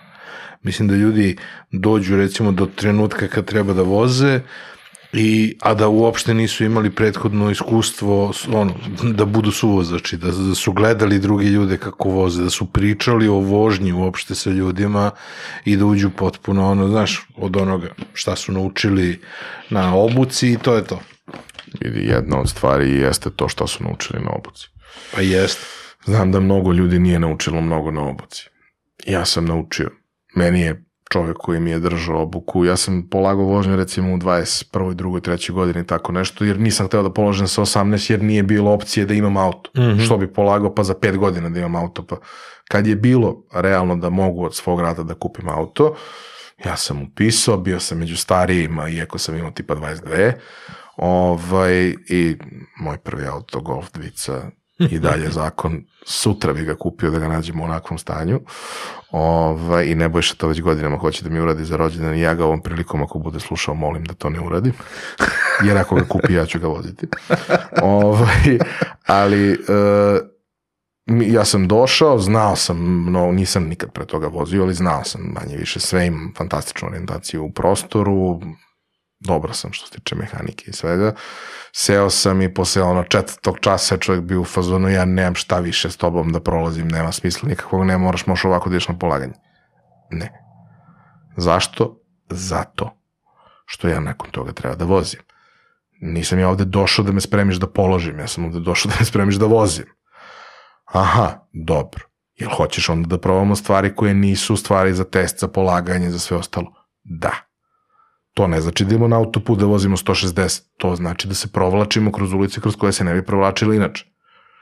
Jer ako mogu osnovno da savladam, idemo na hard. Mm. Slavija u pet po kiši, petku. Znači, ja sam, ja sam doktorirao Slaviju, e, autokomandu i bogosloviju pre nego što sam položio vožnju. Jer je meni to bilo logično. Ljudi su se ponašali kao idioti i dalje se ponašaju, ali meni to bilo sve prilično logično kako ja treba da se ponašam i nešto treba da vodim računa, šta treba da, da pratim i gledam. U nekim situacijama kada znam da je tu čep, ja ću izbeći to ne zato što mi je frka od toga, nego što je čep. I nisu mi omiljena mesta u gradu nikad. Ali ja i dan danas jako volim da vozim, mene vožda smiruje. I ja ću možda i večeras nakon što ovo završimo da odem da se vozim dva sata po gradu uz dobru muziku jer mene to smiruje. Na kraju dana to je knjiga, to je na kaveru, to je unutra, mm. unutra je ta playlista i to su sve priče koje sam ja sa nekima ljudima, nekim ženama, nekim čak i u nekim slučajima nekim kućnim ljubimcima ovaj, se ispričao dok sam se vozio tako u ono nekom obliku terapije koju volim da praktikujem. Jer ovaj grad je predivan za vožnju noću. Jer tad nema ljudi. Slažemo se. Sa tim ću da završim. Za ovo prvo gostovanje u stotoj epizodi, ali da dolaziš od sad češće, a ovako smo zaokružili ta, tu stotu epizodu i mislim da je super priča za, za kraj. Hvala ti. Jer imam predstavu koliko smo mi pričali, ali to je u ostalom tvoj problem. Uh, doći ću kad god me budeš zvao, ako budeš imao zašto da me pozoveš. A ono što ja mogu da ti kažem je, uh, sad kad si snimio to, sad si se kvalifikovao da pričaš o svemu ovome i to nije moje mišljenje, to je meni rekao Saša Tenodi iz mm -hmm. uh, Surovih strasti. Ovaj, kao super si, super ti ovo sve, ali kao kad uradiš totku, onda se javi i nisam se ja javio, javio se on meni da mi aha, kaže, e, aha. ok, kao diplomirao si, idemo dalje. Ovaj, uh, nisam odslušao sve epizode i jesam odslušao nekih 30 sigurno. Uh, počeo sam da od uvek sam slušao podcaste, razlog zašto ga snimam je zato što jako dugo već slušam ljude. Mm. I sad sam već uveo nekoliko rituala koji su takvi da ja realno slušam oko 40 sati podcasta nedeljno, što je previše, ali meni je to ok uz rad. I tu, ono, uglavnom su ove teme koje me interesuju, plus ima par sportskih koje pratim. Mm. Ovaj, I jednostavno, uh, jako je teško da neko uđe u to što slušam redovno. Ali se dosta često dešava da kad naletim na nešto što mi je interesantno, stavim ga na onu listu na, na Spotify-u koje je downloadovane epizode i onda kada ispucam to redovno, što obično bude negde oko srede, četvrtka ujutru, onda dođe to i tu se vrlo često nađu epizode koje su stare po nekoliko meseci, u nekim slučajima epizode koje su stare i po nekoliko godina, ne znam, ovaj, recimo jedan od, od ljudi koje, koje redovno slušam je Lex Friedman i tu ima epizoda koje su izuzetno stare. Ima, I Rogana sam slušao neke epizode koje su jako stare. Ovaj, ni, ni jednog ni drugog ne pratim redovno, hmm. ali mislim da... Uh, da si našao svoj ugao ovaj, ovoga što radiš, čini se da ti pričinjava zadovoljstvo, ovaj, a mislim da je važno da radiš takve stvari i kad ti ne pričinjavaju zadovoljstvo dok ne krenu da ti pričinjavaju zadovoljstvo. Jel? Mislim, ima, ima Slavimir ono sve radi ono što ti je teško dok ti ne postane lako i nastavi da radi da ti ponovno ne postane teško, mm. tako nešto. Ovaj, podcast je takva stvar, u nekom trenutku ćeš doći do predasićenja i sve što treba da uradiš je da to nastaviš i to je to. I vrlo brzo ćeš dobiti potvrdu kosmosa, velikog arhitekte ili čega god, mm. da ne treba da staneš i samo je to to. Ovaj, hvala što si me zvao u stotu epizodu, hvala što uh, me taguješ redovno u epizodama kao inspiraciju. Uh, lepo je biti inspiracija nekome ko radi sjajne stvari. Uh, ljubomoran sam na neke goste koji su ti bili. Uh, ali mislim da je ključna stvar u tome da e, si ti uvek bio jedan od onih ljudi koji imaju potrebu da pričaju neke bitne priče i da sada kada je dovoljno prošlo vremena i dovoljno pažnje bačeno na podcast, ovaj format omogućava da ti te priče pričaš na jedan način koji nije previše zahtevan i ne traži preveliku žrtvu, iako ni ova nije malo. Mm. Svaki drugi format na koji smo nekako bili navikli u prethodnom periodu je mnogo komplikovaniji, zahtevniji i samim tim dosta teži za neku realizaciju na duge staze i na entuzijazam i na, na mišići i sve to. Tako da keep up the good work i ovaj, nadam se da će uh, ljudima ovo da bude interesantno, da, da ću se ovaj, uh, načitati nekih zanimljivih komentara, a i ovih ostalih koje ću kao i do sada uvijek u životu ignorisati. Hvala ti. Hvala. Hvala vam što ste gledali još jednu epizodu, još podcast 1. Ovo je bio moj razgovor sa mojim starim drugarom Ivanom Minićem. Hvala vam što ste uz nas, ostavite nam komentare kako vam se dopala ova epizoda. Pozdrav i želje čestitke za stotu epizodu. Ako niste do sada, subscribeujte se. Hvala našim sponsorima Beans Coffee uz koji sam razgovarao sa Ivanom i uh, Skandinavijan Design Center u čijim stolicama su čak i nas dvojicu izdržale u toku ovog podcasta.